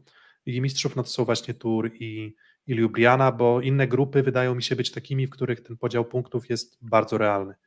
Bo widzimy Piaczence, Ankara, Berlin, Benfica, mm, to Benfica może nie, ale te trzy pozostałe drużyny mogą się punktami dzielić w grupie Zaksy na pewno ten podział punktów, czy Knak, czy Olimpiakus, czy Zirat może mieć miejsce. Um, więc y, no, dla Rysowi otwiera się szansa co najmniej na to, żeby sobie wypracować powiedzmy jakiegoś tam przyzwoitego rywala z, e, z baraży, bo no mówię, jak nie zajmiesz, nie będziesz najsłabszy z tych drużyn drugich, to ominiesz wtedy mm, jednego ze zwycięzców grupy w barażach, bo to jakoś tak to się, się układało, że najsłabsza, najsłabszy zwycięzca grupy tym barażu gra z najsłabszą drużyną z trzeciego, z drugiego miejsca, przepraszam, chyba. A może trzeciego. Dobra. Trochę mieszam, ale w każdym razie do czego zmierzam? Rysowia powinna zająć tutaj drugie miejsce. Ja też uważam, że Trentino na ten moment jest ciut wyżej i jest bardziej doświadczone w graniu właśnie takim pucharowym i to jest dla mnie dla mnie na pewno jeszcze niebagatelny atut Trentino, ale Resowia spokojnie myślę, że może, e, może nawiązać do, do, do, do rywalizacji z Trentino. Grupa D, Guaguas, Las Palmas i Ostroj Czeskie, Budziejowice, SVG, Lüneburg. To są rywale Jastrzębskiego Węgla, którzy wydają się być z jakiejś innej planety zupełnie. Tak, Kuba? No, prosiłem o dżingiel ponownie. A, to niech będzie dżingiel. Szósty set. Takie rozczarowanie. Kuba, Kuba taki smutnym głosem, no nie, nie mogłem, nie mogłem go zawieść. Um, drużyna z Hiszpanii, drużyna z Czech i drużyna z Niemiec i co ciekawe, żadna z tych drużyn na ten moment specjalnym dominatorem swojej ligi też nie jest. Um, no to kto w zasadzie z tego tercetu według Was jest najmocniejszy? No bo tutaj faktycznie to człowiek pierwotny ciekawie ujął, że to taka grupa memiczno-turystyczna trochę. No i tak nie, troszkę nie wiem, jest. Nie wiem, nie wiem, co w sobie ma Adam Gorol, co się dzieje, jakie fluidy się dzieją, że przy tych losowaniach grup to zawsze to Jastrzębie losuje kapitalną grupę, w sensie pod kątem y, jakby wygrania jej i prawdopodobnie zajęcie pierwszego miejsca z bilansem 17-18 punktów. Czego życzę drużynie Jastrzębia w tej grupie? Wycieczki samolotem dość przyjemnej na Wyspy Kanaryjskie, ogranie tego w terminie 3-4-dniowym, żeby jeszcze mieli zawodnicy okazję troszeczkę w hotelu czy tam na plaży przyhotelowej troszeczkę złapać słońca i tego, żeby miło spędzić czas y, przy fajnym tapasie w Las Palmas. E, dobrego, dobrej wycieczki i piwa po zwycięstwie w Czechach i tego samego piwa lub, lub y, dobrego sznycla po wygranej w Niemczech. No taka grupa albo, albo wursta w Niemczech albo wursta dobrego. właśnie, takie i, i tego, żeby te podróże minęły przyjemnie i, i bezboleśnie, jak najlepiej logistycznie, bo wydaje mi się, że tu logistyka byłaby kluczowa. Nie wiem, zakładam lot Ryanerem lub Wizerem z Katowic na, na, do Las Palmas, a inne no to już kwestia, czy autokar, czy nie. Czeskie Budyjowice wydają się być dość blisko, jeżeli wydaje mi się Śląska, więc to moim zdaniem jest wyjazd mniej więcej bliższy niż do Gdańska czy do Olsztyna, więc to pewnie bardzo przyjemny rywal pod kątem e, logistycznym. Luneburg to chyba jest, są zachodnie Niemcy, więc to pewnie trochę dłuższa przeprawa, ale... Um, e, sprawdziłem, bo to jest no, okolice, okolice, Hambu like. okolice Hamburga. No to tu już pytanie, chyba, chyba wjazd do Niemiec do, po 3 godzin, no to chyba 11-10 godzin autokarem, to już kwestia jak to rozegrają logistycznie, natomiast no to chyba takie kwestie wydają się być bardziej nawet ważne niż sportowe, taka prawda panowie i to co roku się powiela, że tak naprawdę dla Jastrzębia pod kątem sportowym ta Liga Mistrzów rusza po grupie. To nie chodzi o to, żeby te drużyny, e, czy, czy, jakby mówić, że oni to wygrają z ręką w kieszeni, bo tak nie będzie, ale rok temu chociaż było Freddy Schaffen, prawda, czyli rywali jednak wydaje się wyższej jakości niż któryś z tych rywali i to jest moim zdaniem też grupa, która daje świetną szansę dla Guagas Las Palmas na dalszą przygodę i na możliwość ugoszczenia innej drużyny tym z kapitalnymi warunkami pogodowymi. Dokładnie, ale też dla mnie ciekawostką jest, że w Dzichostroju w czeskich Budziejowicach trenerem jest Andrzej Kowal, który swego czasu z dochodził do finału siatkarskiej Ligi Mistrzów, ale przegrał w finale z Zenitem, ale oprócz tego wiele medali Ligi Polskiej. Mm, jak znalazł się w Dzichostroju, tak naprawdę jest to dla mnie ciężko do, ciężkie do wytłumaczenia, ale, ale w istocie tę ekipę objął. Zupełnie nie wiem, co ciekawego jest w Luneburgu, więc nie jestem w stanie nic ciekawego powiedzieć. E, widzę, że Piotrek pokazałeś nam skład y, drużyny czeskiej. Jak tak, bo uznałem, widzicie... że w sumie jak zacząłeś mówić o Andrzeju, mhm. zacząłeś Zostańmy. mówić o Andrzeju Kowalu, to proszę. co ja mam wam powiedzieć? Nie, tak naprawdę to kojarzy Eduardo Carizio, który dwa sezony temu trafił do Poitiers, ale tak naprawdę nie zawojował Ligi Francuskiej i wrócił z powrotem do Brazylii. Teraz został ściągnięty do Czech i od razu został kapitanem drużyny, więc pewnie na nim Andrzej Kowal opiera swój zespół. E, prawdopodobnie, aha, już jest wpisany, widzę Alejandro González Rodriguez, czyli kubański atakujący, który ma też wzmocnić tę ekipę, z tego co czytałem, ale niestety tego gracza nie znam, więc nie wiem, co o nim sądzić. I w zasadzie Petera Androwicza kojarzy, który też jakiś sezon w lidze francuskiej zaliczył i w kadrze Słowacji na pewno grał. I w zasadzie to jest tyle. O reszcie graczy nawet nie jestem w stanie powiedzieć jednego zdania, więc w większości to są anonimowi zawodnicy. A jak ty też nie wiesz, to kto ma wiedzieć? Właśnie ja podejrzałem, podejrzałem statystyki. E, Ten Steen Van Schie chyba w Knaku przez jakiś czas był, coś mi się kojarzy. Dokładnie, więc y, ten Stin Van Shee i, i, Ignacio Luengas to są dwie postaci, które tam widziałem punktują chyba najczęściej e, w zespole czeskim, ale, ale zupełnie szczerze spoglądam na te nazwiska i tak nawet nie bardzo widzę tutaj gości, którzy w okolicach tej słowackiej reprezentacji by się borykali, gdzieś tam pałętali. Um, znaczy nie wiem, czy, czy znaczy może, może kogoś mylę, może kogoś gubię, natomiast mam takie poczucie, że no jakości w tej drużynie nie ma, tak? I Michał Wolanin też pisze, że Czesi słabo zaczęli sezon. A to trzeba byłoby zapytać Andrzeja Kowala. W sumie może mógłby być gościem naszego podcastu w sumie w okolicach meczu jakiegoś właśnie Jastrzębia z Budziejowicami, ale no nie wiem, wydaje mi się, że to nie są dwie równe, dwie równe siódemki, wydaje mi się, że są główni e, jednak faworyci trenera Kowala. Co oznacza nazwa drużyny z Las Palmas? Biorę na siebie, na siebie. Guaguas oznacza autobusy. Tak, to jakiś tam y chyba. A, a, Przewoźnik, tak, tak. Slang z Ameryki Autobusy? Południowej, jakiś taki, no. To jest sponsorem tak, a... przewoźnik na Wyspach Kanaryjskich, taki, który jakby dla tych, którzy nie wypożyczają auta, yy, czyli pewnie Brytyjczyków, którzy celebrują tam alkohol, udostępnia prze, przejazdy po wyspie. Tak, no, nie byłbym w każdym, sobą. W każdym gdybym... razie. Znaczy, chciałem już wejść w historię tego klubu. Generalnie nie byłbym sobą, gdybym chociaż nie zainteresował, e, skąd ekipa z Wysp Kanaryjskich wzięła się w siatkarskiej lidze mistrzów. E, sprzed lat można by kojarzyć ten klub jako Calvo Sotelo, który właśnie grał pod nazwą CV Guaguas, e, czyli to jest nazwa sponsora, czyli właśnie ten taki jakby przewoźnik miejski, można tak powiedzieć. Mm, oprócz tego sporo pieniędzy miejskich sprawia, że dało się tam ściągnąć niezłe nazwiska. Fakt, że już trochę powiedzmy bliżej drugiego brzegu siatkarskiego, ale mimo wszystko, mm, tak jak Piotrek pokazał, mamy chociażby Martina Ramosa z kadry Argentyny, mamy Grahama Weigrasa, który specjalnie wznowił karierę, żeby jeszcze trochę odbijać. Mamy Nikolasa Bruno, który w zeszłym sezonie grał jeszcze w Falkbanku przeciwko Jastrzębskiemu Węglowi i eliminował e, Lubę z Ligi Mistrzów. Mamy jeszcze wpisanego w volejboxie Maximiliano Cavanny, który jednak, e, co będzie dużą stratą, pożegnał się z hiszpańską ekipą po kwalifikacjach do Ligi Mistrzów, bo dostał, jak się nie trudno domyślić, ofertę nie do odrzucenia z Ligi Chińskiej. Krążą plotki, że być może za niego trafi Angel Trinidad, ale to nie jest jeszcze wcale pewne i to jest kwestia czasu. W każdym razie przeciwko Jastrzębiu na pewno Trinidada jeszcze w tej ekipie nie będzie, tak się zanosi.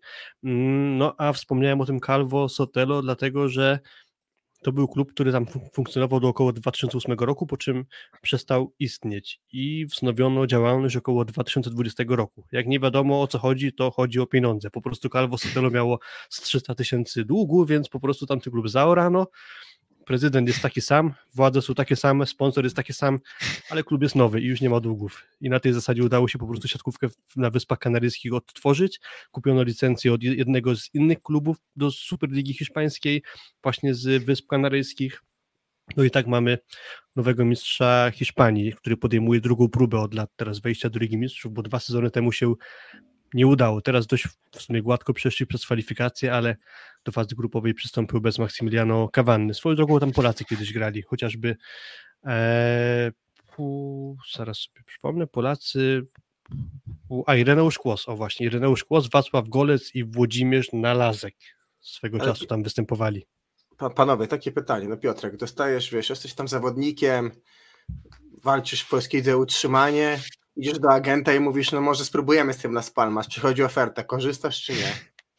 W sensie, kurczę, no ja zresztą widzę, że tutaj jakbym był, nie wiem, właśnie Argentyńczykiem, bo widzę, że tutaj tak e, w, trochę w takich nastrojach um, południowych jednak ta drużyna została, no bo z obcokrajowców, no to w zasadzie tylko Wajgras z takiego kraju północnego, chłodniejszego, no ale też nie dziwię się, że Wajgras ma ochotę troszeczkę słońca kanaryjskiego złapać. Znowu, no nie chcemy tutaj sprowadzać wszystkiego do Kanarów, natomiast to jest drużyna, wydaje mi się, e, z nazwiskami przyzwoitymi, no bo Nicolas Bruno wyglądał moim zdaniem w Hulkbanku bardzo na psuł krwi zawierciu. Moim zdaniem dość dobrze wyglądał, technicznie bardzo dobrze przygotowany. Martin Ramos na środku, wieloletni reprezentant Argentyny. Um, de, Miguel Angel de Amon w barwach AZS-u Częstochowa jakoś tam dawien dawno występował. Może to nie był najwspanialszy jego sezon no ale też nie jest zawodnikiem takim, który gdzieś tam się nie przywijał w okolicach czy reprezentacji Hiszpanii, czy, czy, czy właśnie mocniejszych lig. Więc, e, więc, więc same nazwiska wydają się być na tyle obiecujące, że, że, że znowu na tle nawet tych Budziejowic, czy jak zaraz pokażemy Lüneburg, to wydaje mi się, że to są nazwiska najmocniejsze zdecydowanie, przynajmniej jeżeli weźmiemy pod uwagę obcokrajowców, bo wszystkich Hiszpanów nie mam rozpykanych, muszę przyznać. Ja je mocno kibicuję. No jest to jakaś swego rodzaju ciekawostka, tylko pewnie barierą będzie właśnie słaba liga hiszpańska, która ponoć od kilku lat notuje jakiś tam progres, natomiast do czołówki europejskiej jest jeszcze bardzo daleka droga i być może już lepsi gracze niż ci, którzy są obecni, może się nie uda ściągnąć, bo po prostu rywalizacja tam jest dość utrudniona w kontekście niskiego poziomu siatkówki. Mm, natomiast cała ta grupa jest tak słaba poza, Jastrzębskim, Węglem, że podejrzewam, że Hiszpanie nie są na straconej pozycji, żeby ewentualnie awansować do kolejnej fazy. No bo czy widzimy, żeby tam Dzichostro i czeskie Budziejowice miał być wyraźnym faworytem przeciwko takiemu składowi, jaki mamy tutaj na ekranie, czy ten Luneburg, który pewnie teraz pokażemy i no, w którym też jest wielu graczy anonimowych, było, nie było, lub półanonimowych? Po prostu Fifi liczy, że przejdą, wpadną na Resowie i będzie szansa na korespondencję po prostu z meczu ćwierćfinałowego. No. Będzie łączenie ze studia na Wyspach Kanaryjskich w szóstym secie.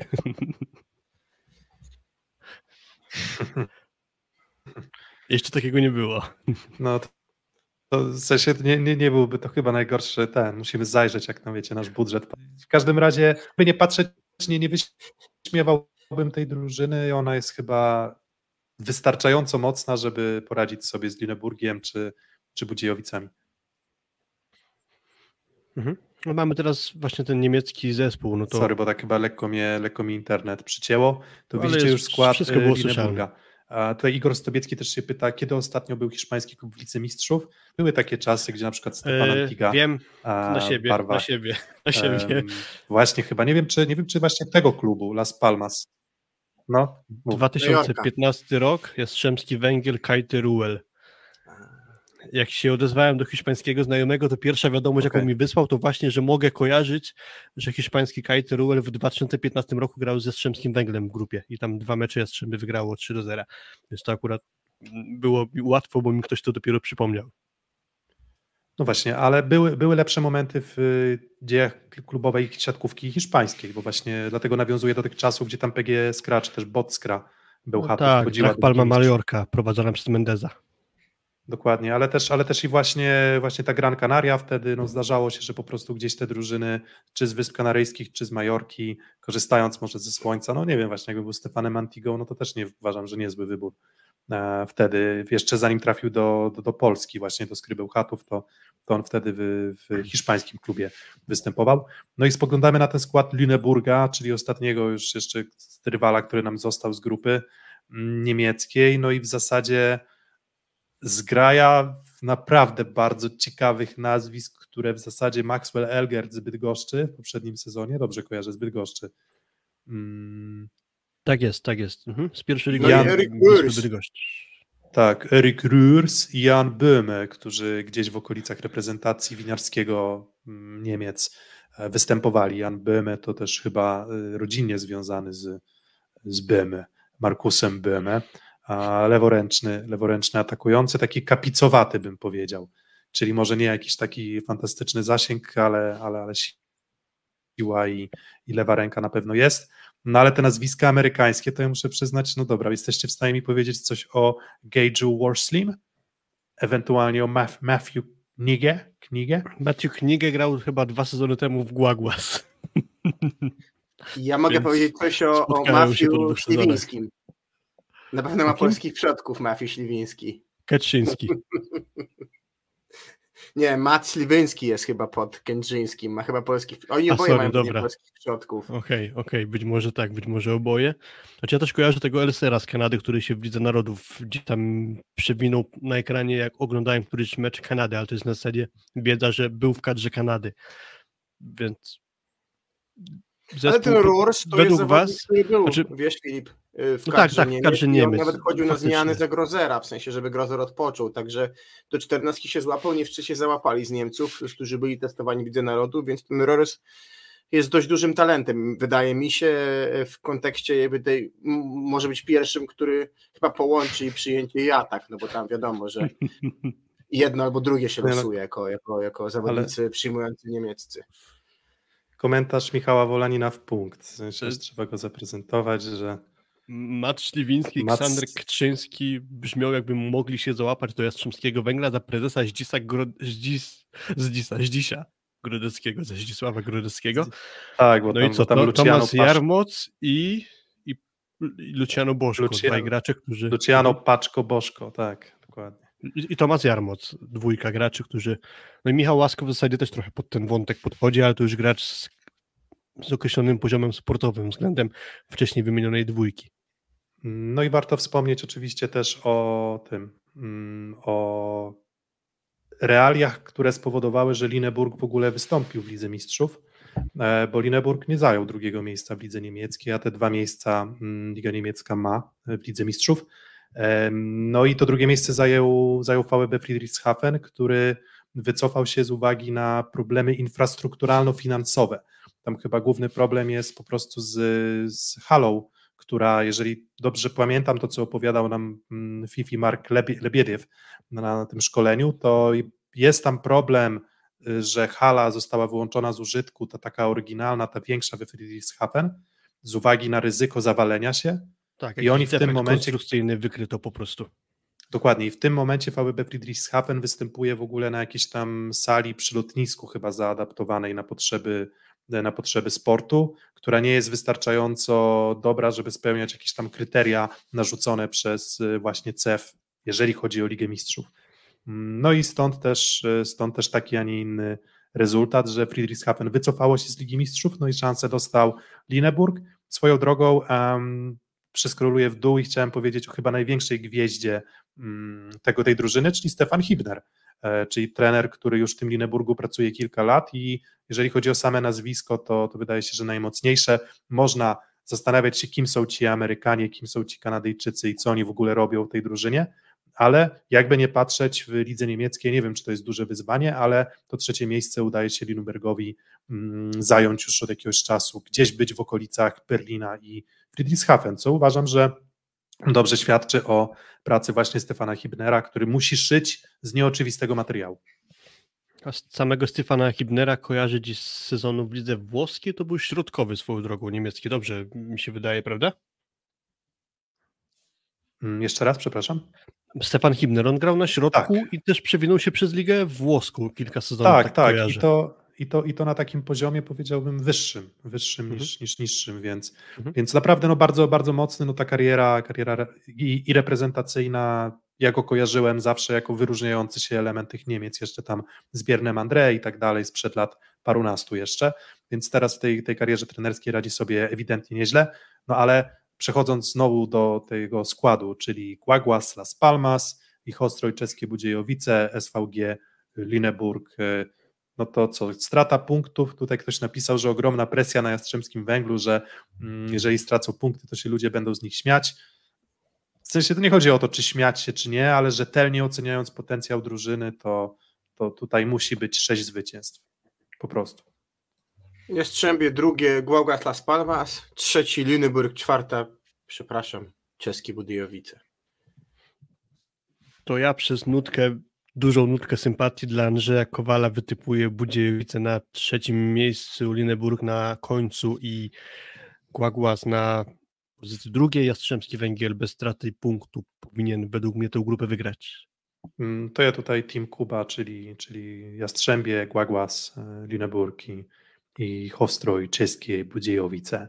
Um, więc grupa turystyczno-memiczna, troszeczkę można ją bagatelizować, no ale z drugiej strony to są drużyny, które awansowały do Ligi Mistrzów na zasadach przedstawionych przez CEF. Więc jest tutaj kilka zbiegów okoliczności, które powodują, że na przykład nie wiem, jest ten Lineburg, a nie potencjalnie to Friedrichshafen. No ale to Friedrichshafen na przykład w lidze niemieckiej zaczęło od siedmiu punktów zdobytych na pięć spotkań. Czyli też powiedzmy sobie tak, tak średnio.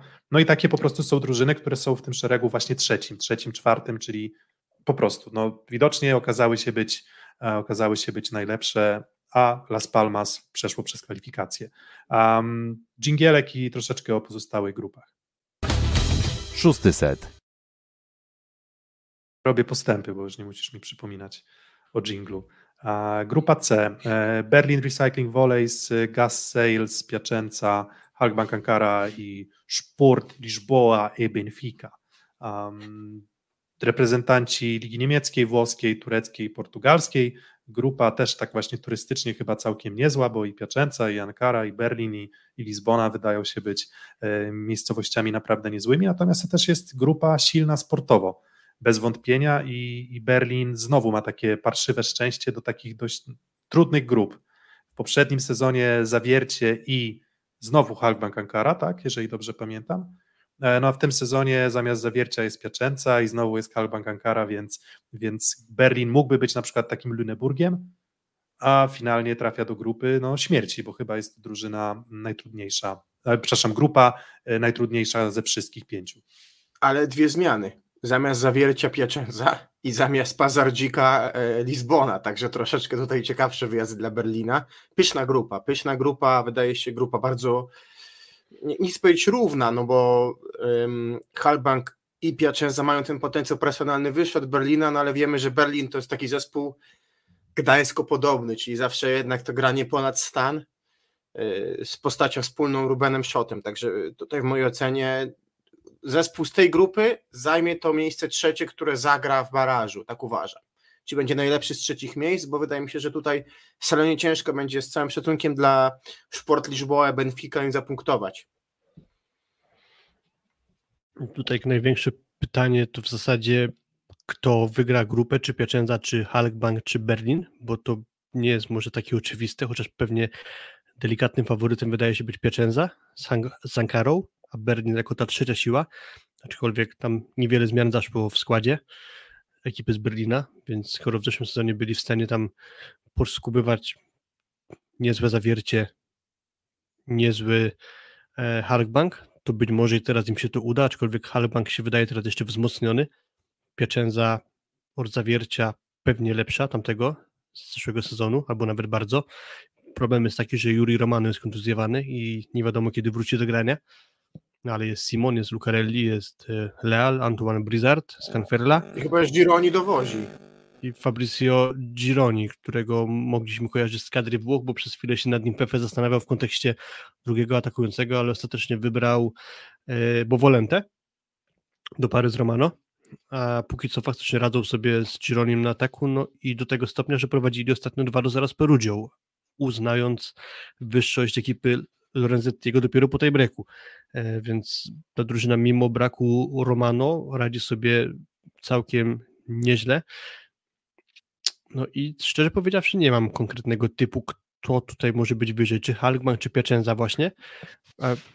Najbliżej mi do tego, że lekko słabszy od tych dwóch ekip będzie Berlin i pewnie koniec końców skończył na trzecim miejscu w Benfice. Jakby ktoś się zastanawiał, Hugo Gaspar nadal jest w kadrze meczowej, aczkolwiek na ataku może tam grać Felipe Bandero, znany niegdyś z występu w Azydesie Częstochowa.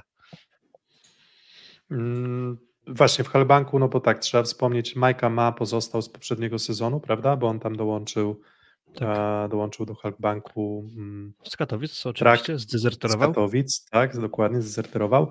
E, Abdelaziz Nimir, um, Erwin Gapet, John Gordon Perrin. Um, no czterech zawodników, którzy gdyby mieli walczyć o medale w Plus Lidze, no to chyba swobodnie można byłoby ich, ich do takiej drużyny wrzucić. Myślę, że, że, że ja tutaj Poza dużych wątpliwości. No wiesz co, no ja uważam, że na przykład on bardzo dobrze wyglądał w, w reprezentacji Kanady na tym turnieju kwalifikacyjnym. Na przykład, tak, więc y, tak, bo on dobrze pamiętam, tak? Czy, czy mi się coś pomerdało teraz? Czego nie było w ogóle? Nie, Peperina nie było. Też nie gra w kadrze chyba. A, to przepraszam, to przepraszam, to coś musiało mi się pomerdać. W każdym razie z Perinem mam tak, że mm, on gdzieś tam zniknął z radaru, bo on jakiś czas grał w lidze rosyjskiej, więc było trochę tak, że nie, nie, nie miałem do, do końca możliwości obserwowania jego postępów, natomiast tam sobie markę wyrobił bardzo mocną więc ja trochę patrzę na niego przez pryzmat tego jego pobytu w Resowi, prawda? Bo był w Resowi, żeby nie było, tak że jest. znowu coś tak, tak, tak, tak, um, i, I tam nie był chyba bardzo imponujący, jeżeli chodzi o. No nie, raczej, ja raczej rozczarowanie i pożegnał się w brzydki sposób, bo mu się zamarzyła gra w Chinach, więc Resowia skończyła tamten sezon z Elvisem Krastinsem e, jako zastępstwem dla Kanadyjczyka. A Perin faktycznie trafił do Nowosybirska, później do Werony, gdzie w sumie większość nie grał niż grał i wylądował w Halkbanku. Natomiast problem taki jest w Halkbanku, jak w dużej mierze powiedziałem przed tym kontekście z Iratu, czyli mają czterech obcokrajowców, a w lidze tureckiej może grać tylko trzech. Więc tam deski do deski w zasadzie gra Majka Ma, a jest rotacja wśród pozostałych trzech graczy z poza Turcji, czyli między Nimirem, Perinem, Angapetem. I na przykład Angapet nie zagrał na, tej, na teraz kompletu spotkań, bo kilka razy pauzował. Podobnie było z Perinem kłopot zaczął się robić z tym, że do pary, przyjmują, do pary przyjmujących z Gapetem był Izet Inver, czyli turecki gracz i on grał słabo, więc sięgnięto po Mirze Lagumdziję w trakcie sezonu z Arkasu Izmir, więc y, powiększyła się trochę rywalizacja na przyjęciu. Mm, do tego na środku Mert Matic znany z kadry oraz też występujący od czasu do czasu w reprezentacji Turcji do Kukan Ulu na libero Volkan Done i jeszcze jedna zmiana względem tamtego sezonu był Taner Atik, turecki trener, a teraz też nieźle znany w Polsce Slobodan Kowacz prowadzi tę ekipę. Mm, no dobra, typy na, na tę grupę? Mm, mimo wszystko Piaczęca jest dla mnie, jest dla mnie faworytem. Ona też dobrze weszła w, w sezon w lidze włoskiej, a, a dalej to, to, to chyba jednak ciut wyżej postawiłbym Halkbank Ankara, chociaż ten Berlin, mam wrażenie, że co roku tak podchodzę trochę po, po macoszemu, e, lekceważąco do, do, do potencjału sportowego Berlina, a potem się okazuje, że oni um, nawet w tym składzie, można by powiedzieć, ktoś by to nazwał odrzutów z Plus Ligi, na przykład czy tam Ruben Schott, czy, czy, czy, czy kilka innych postaci, to mm, radzą sobie bardzo dobrze, więc no ale mimo wszystko ja obstawiam Piaczęca, Halkbank i Berlin e, w tym sezonie. Mm, Piaczęca, Halkbank, Berlin. Widziałem się, że tak samo.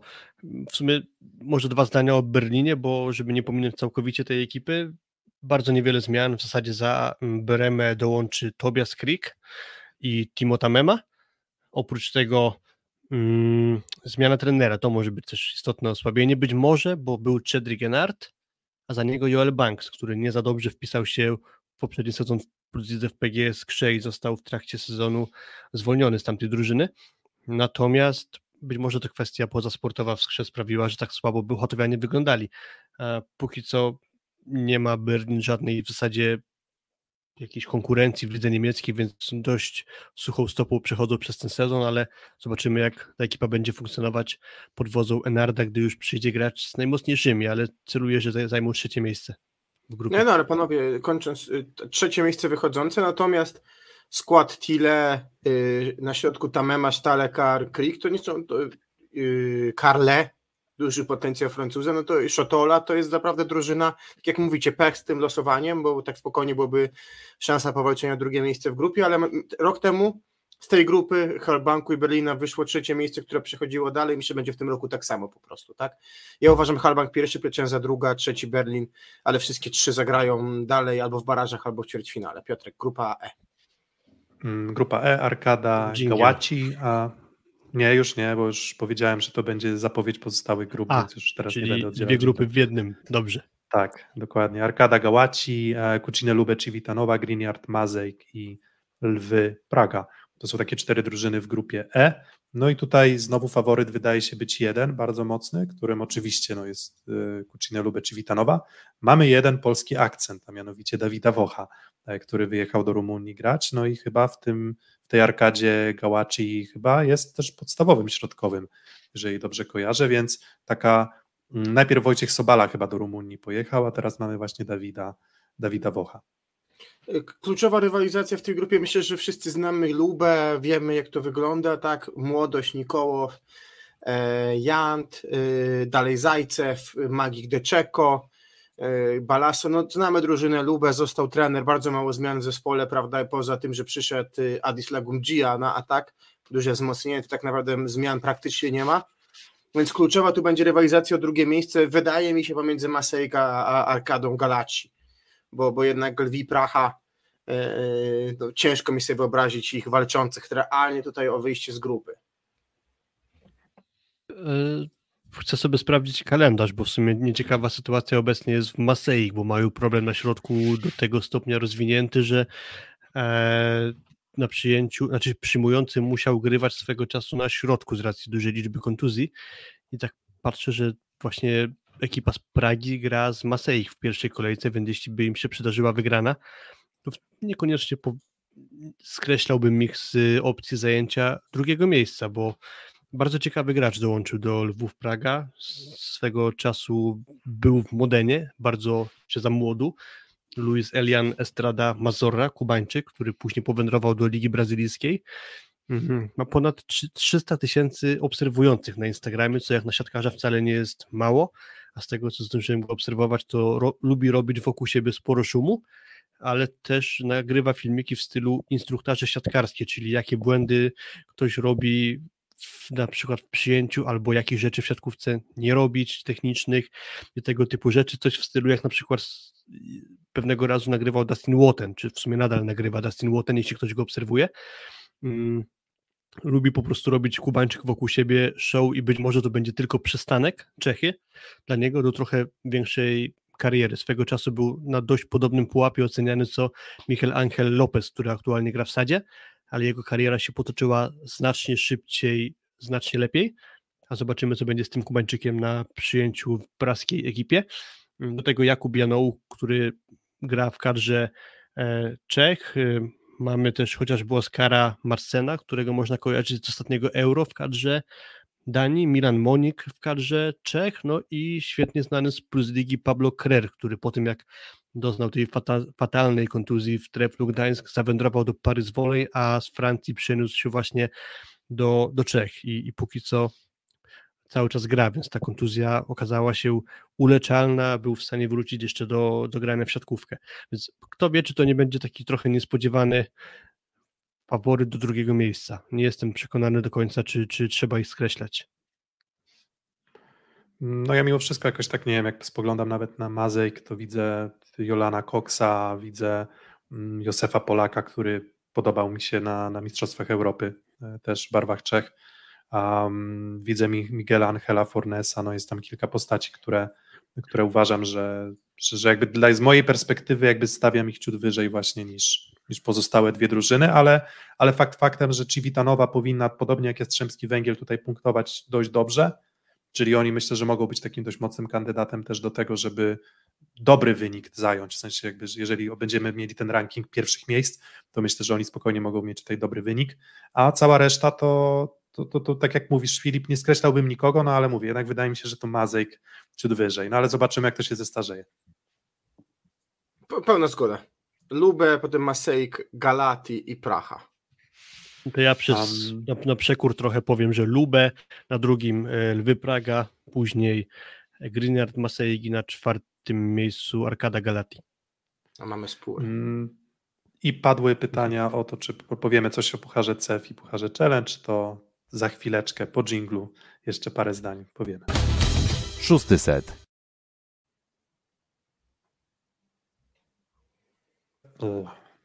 Dobra, już nie jestem, dobra, już nie jestem za, e, za on mute. E, inauguracyjny mecz w Pucharze CEF już zawiercie ma, czy inauguracyjny dwumecz e, ograli Austriaków, um, a pierwszy dwumecz w Pucharach czeka Projekt Warszawa, Projekt Warszawa um, w Pucharze Challenge zmierzy się z drużyną, która jak do tej pory jest niepokonana w lidze słoweńskiej, czyli Kalcitem Kamnik. Tak, niepokonana do ostatniego meczu. Może chwilę eee. najpierw o zawierciu, panowie, jeżeli tak, pozwolicie, tak, no bo to historia z Hartenbergiem, e, Hartbergiem, przepraszam, czyli małe miasteczko w Austrii, bardzo przyjemna drużyna, przyjechała zawiercie do Sosnowca, e, tak, pierwszy mecz był w Sosnowcu, 3 do 0 wygrana, zawiercia w miarę składzie wyjściowym, no i potem w, re, w rewanżu dwa sety wygrane i postawił trener Winierski ciekawy wariant, Luke Perry zaczął grać na przyjęciu, nawet punktował. Jest taka ciekawostka pokazująca troszeczkę dysproporcję pomiędzy drużynami. No ten Harbeck drużyna półprofesjonalna, no i pierwszy etap za zawierciem, no i teraz spotykają się z przeznaczeniem, a ich przeznaczeniem jest grać Hebarem, Bazardzik.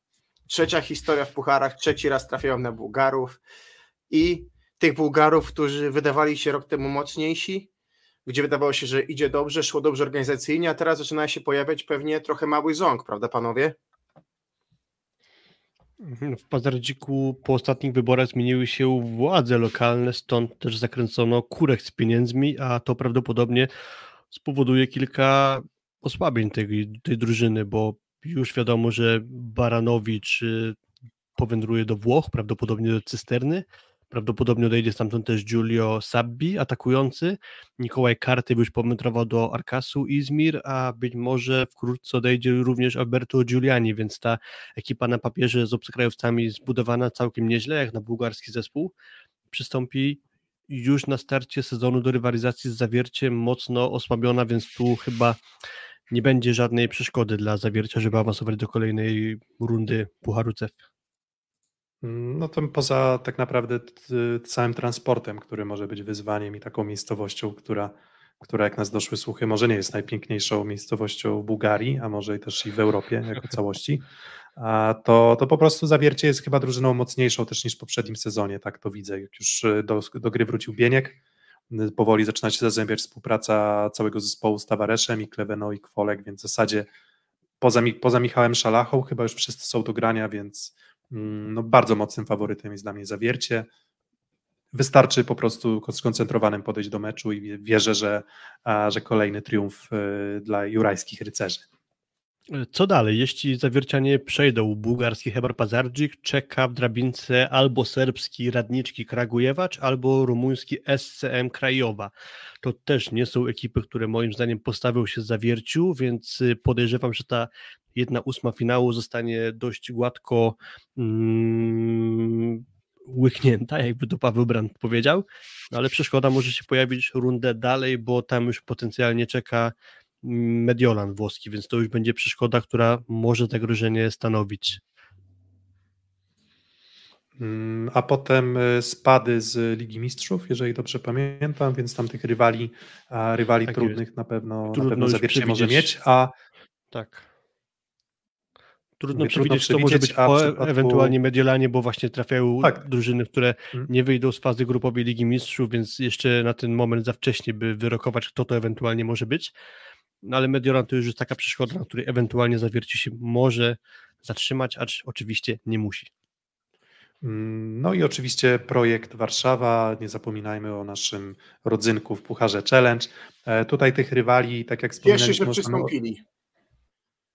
Tak, to, to, to, jest, to jest na pewno na pewno na duży plus. E, wiesz, ktoś by złośliwie powiedział, że jak już masz sześciu środkowych, to gdzieś musisz dać im szansę grania.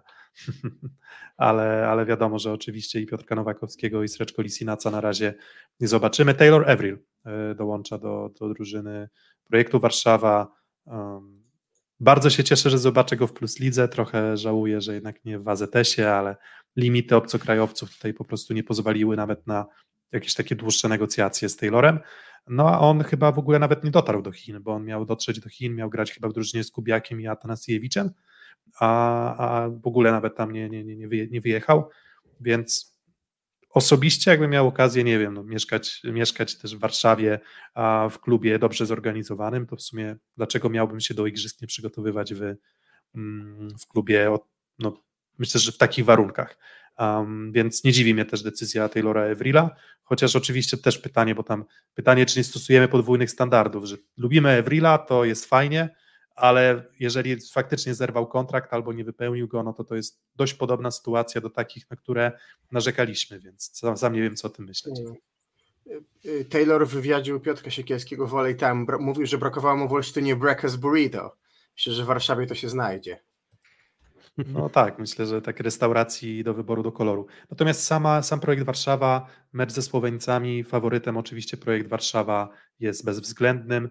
A drużyna ciągle niepokonana w Plus Lidze, tak, bo tam po drodze 3 do 0 z Treflem Gdańska, ale po dwa zacięte sety i 3 do 2 z Lukiem Lublin. Bardzo, dwa bardzo ciekawe mecze swoją drogą też. Takie um, może nie zawsze idealne, jeżeli chodzi o poziom sportowy, natomiast jeżeli chodzi o poziom emocji i zamieszanie bardzo duże. Dobra, e, kończymy na dzisiaj. Tyle Czy... o europejskich pucharach i tyle o Lidze Mistrzów, chyba że Filip jeszcze chcesz coś powiedzieć. E, Nik Mujanowicz, postać numer jeden z kadry e, Kalcit Kamnik, z kadry Słowenii też znany, bo dostawał szansę. jest spór o jego kontrakt, chciał odejść do Monzy, agent upiera się, że może ten kontrakt zerwać, klub nie chce go puścić, więc y, doszło do tego, że on nie zagra z projektem Warszawa, nie jest zgłoszony do kadry meczowej, więc będzie projektowi po prostu łatwiej rywalizować ze słoweńską ekipą. Do tej pory Kamnik niepokonany w lidze słoweńskiej aż do ostatniego meczu. Zabrakło Mujanowicza i przegrali pierwszy mecz w sezonie ligowym z ekipą z Triglav, środek tabeli, więc duże osłabienie Słoweńców. Tyle chciałem dodać. Dziękuję. Mm, dziękuję, dziękuję Filip. Nie, w sensie bardzo, bardzo dobre, bardzo ciekawe informacje myślę też dla, dla kibiców projektu Warszawa. No a pewno faworytem ogromnym projekt i myślę, że zawiercie i, i no i co, no i chyba podsumowując ten nasz pucharo, te nasze pucharowe wywody, to spełnieniem naszych marzeń no byłoby pewnie co, trzy drużyny w półfinale Ligi Mistrzów, z czego no, musimy, jedna lub dwie, tak. a może i finału. No a, a dla projektu Warszawa um, finał, myślę, albo może i zwycięstwo, bo myślę, że stać ich na to, tam tylko jeden rywal tak naprawdę bardzo mocny, czyli Włosi. No tam zanosi się drabinka Zacina taka, że trakcie, ewentualnie więc... Tak, zanosi się, że dla projektu drabinka jest taka, że w finale czeka Monza lub Galatasaray, a wcześniej powinno być znacznie łatwiej awansować do tego e, finału, więc bardzo realny finał Pucharu Challenge dla projektu Warszawa. Trzymamy kciuki za Ale... wszystkie polskie drużyny. I dziękujemy tak jest, za dzisiaj. Um, dziękujemy za pamiętajcie, dzisiaj. że łapka, możecie wspierać.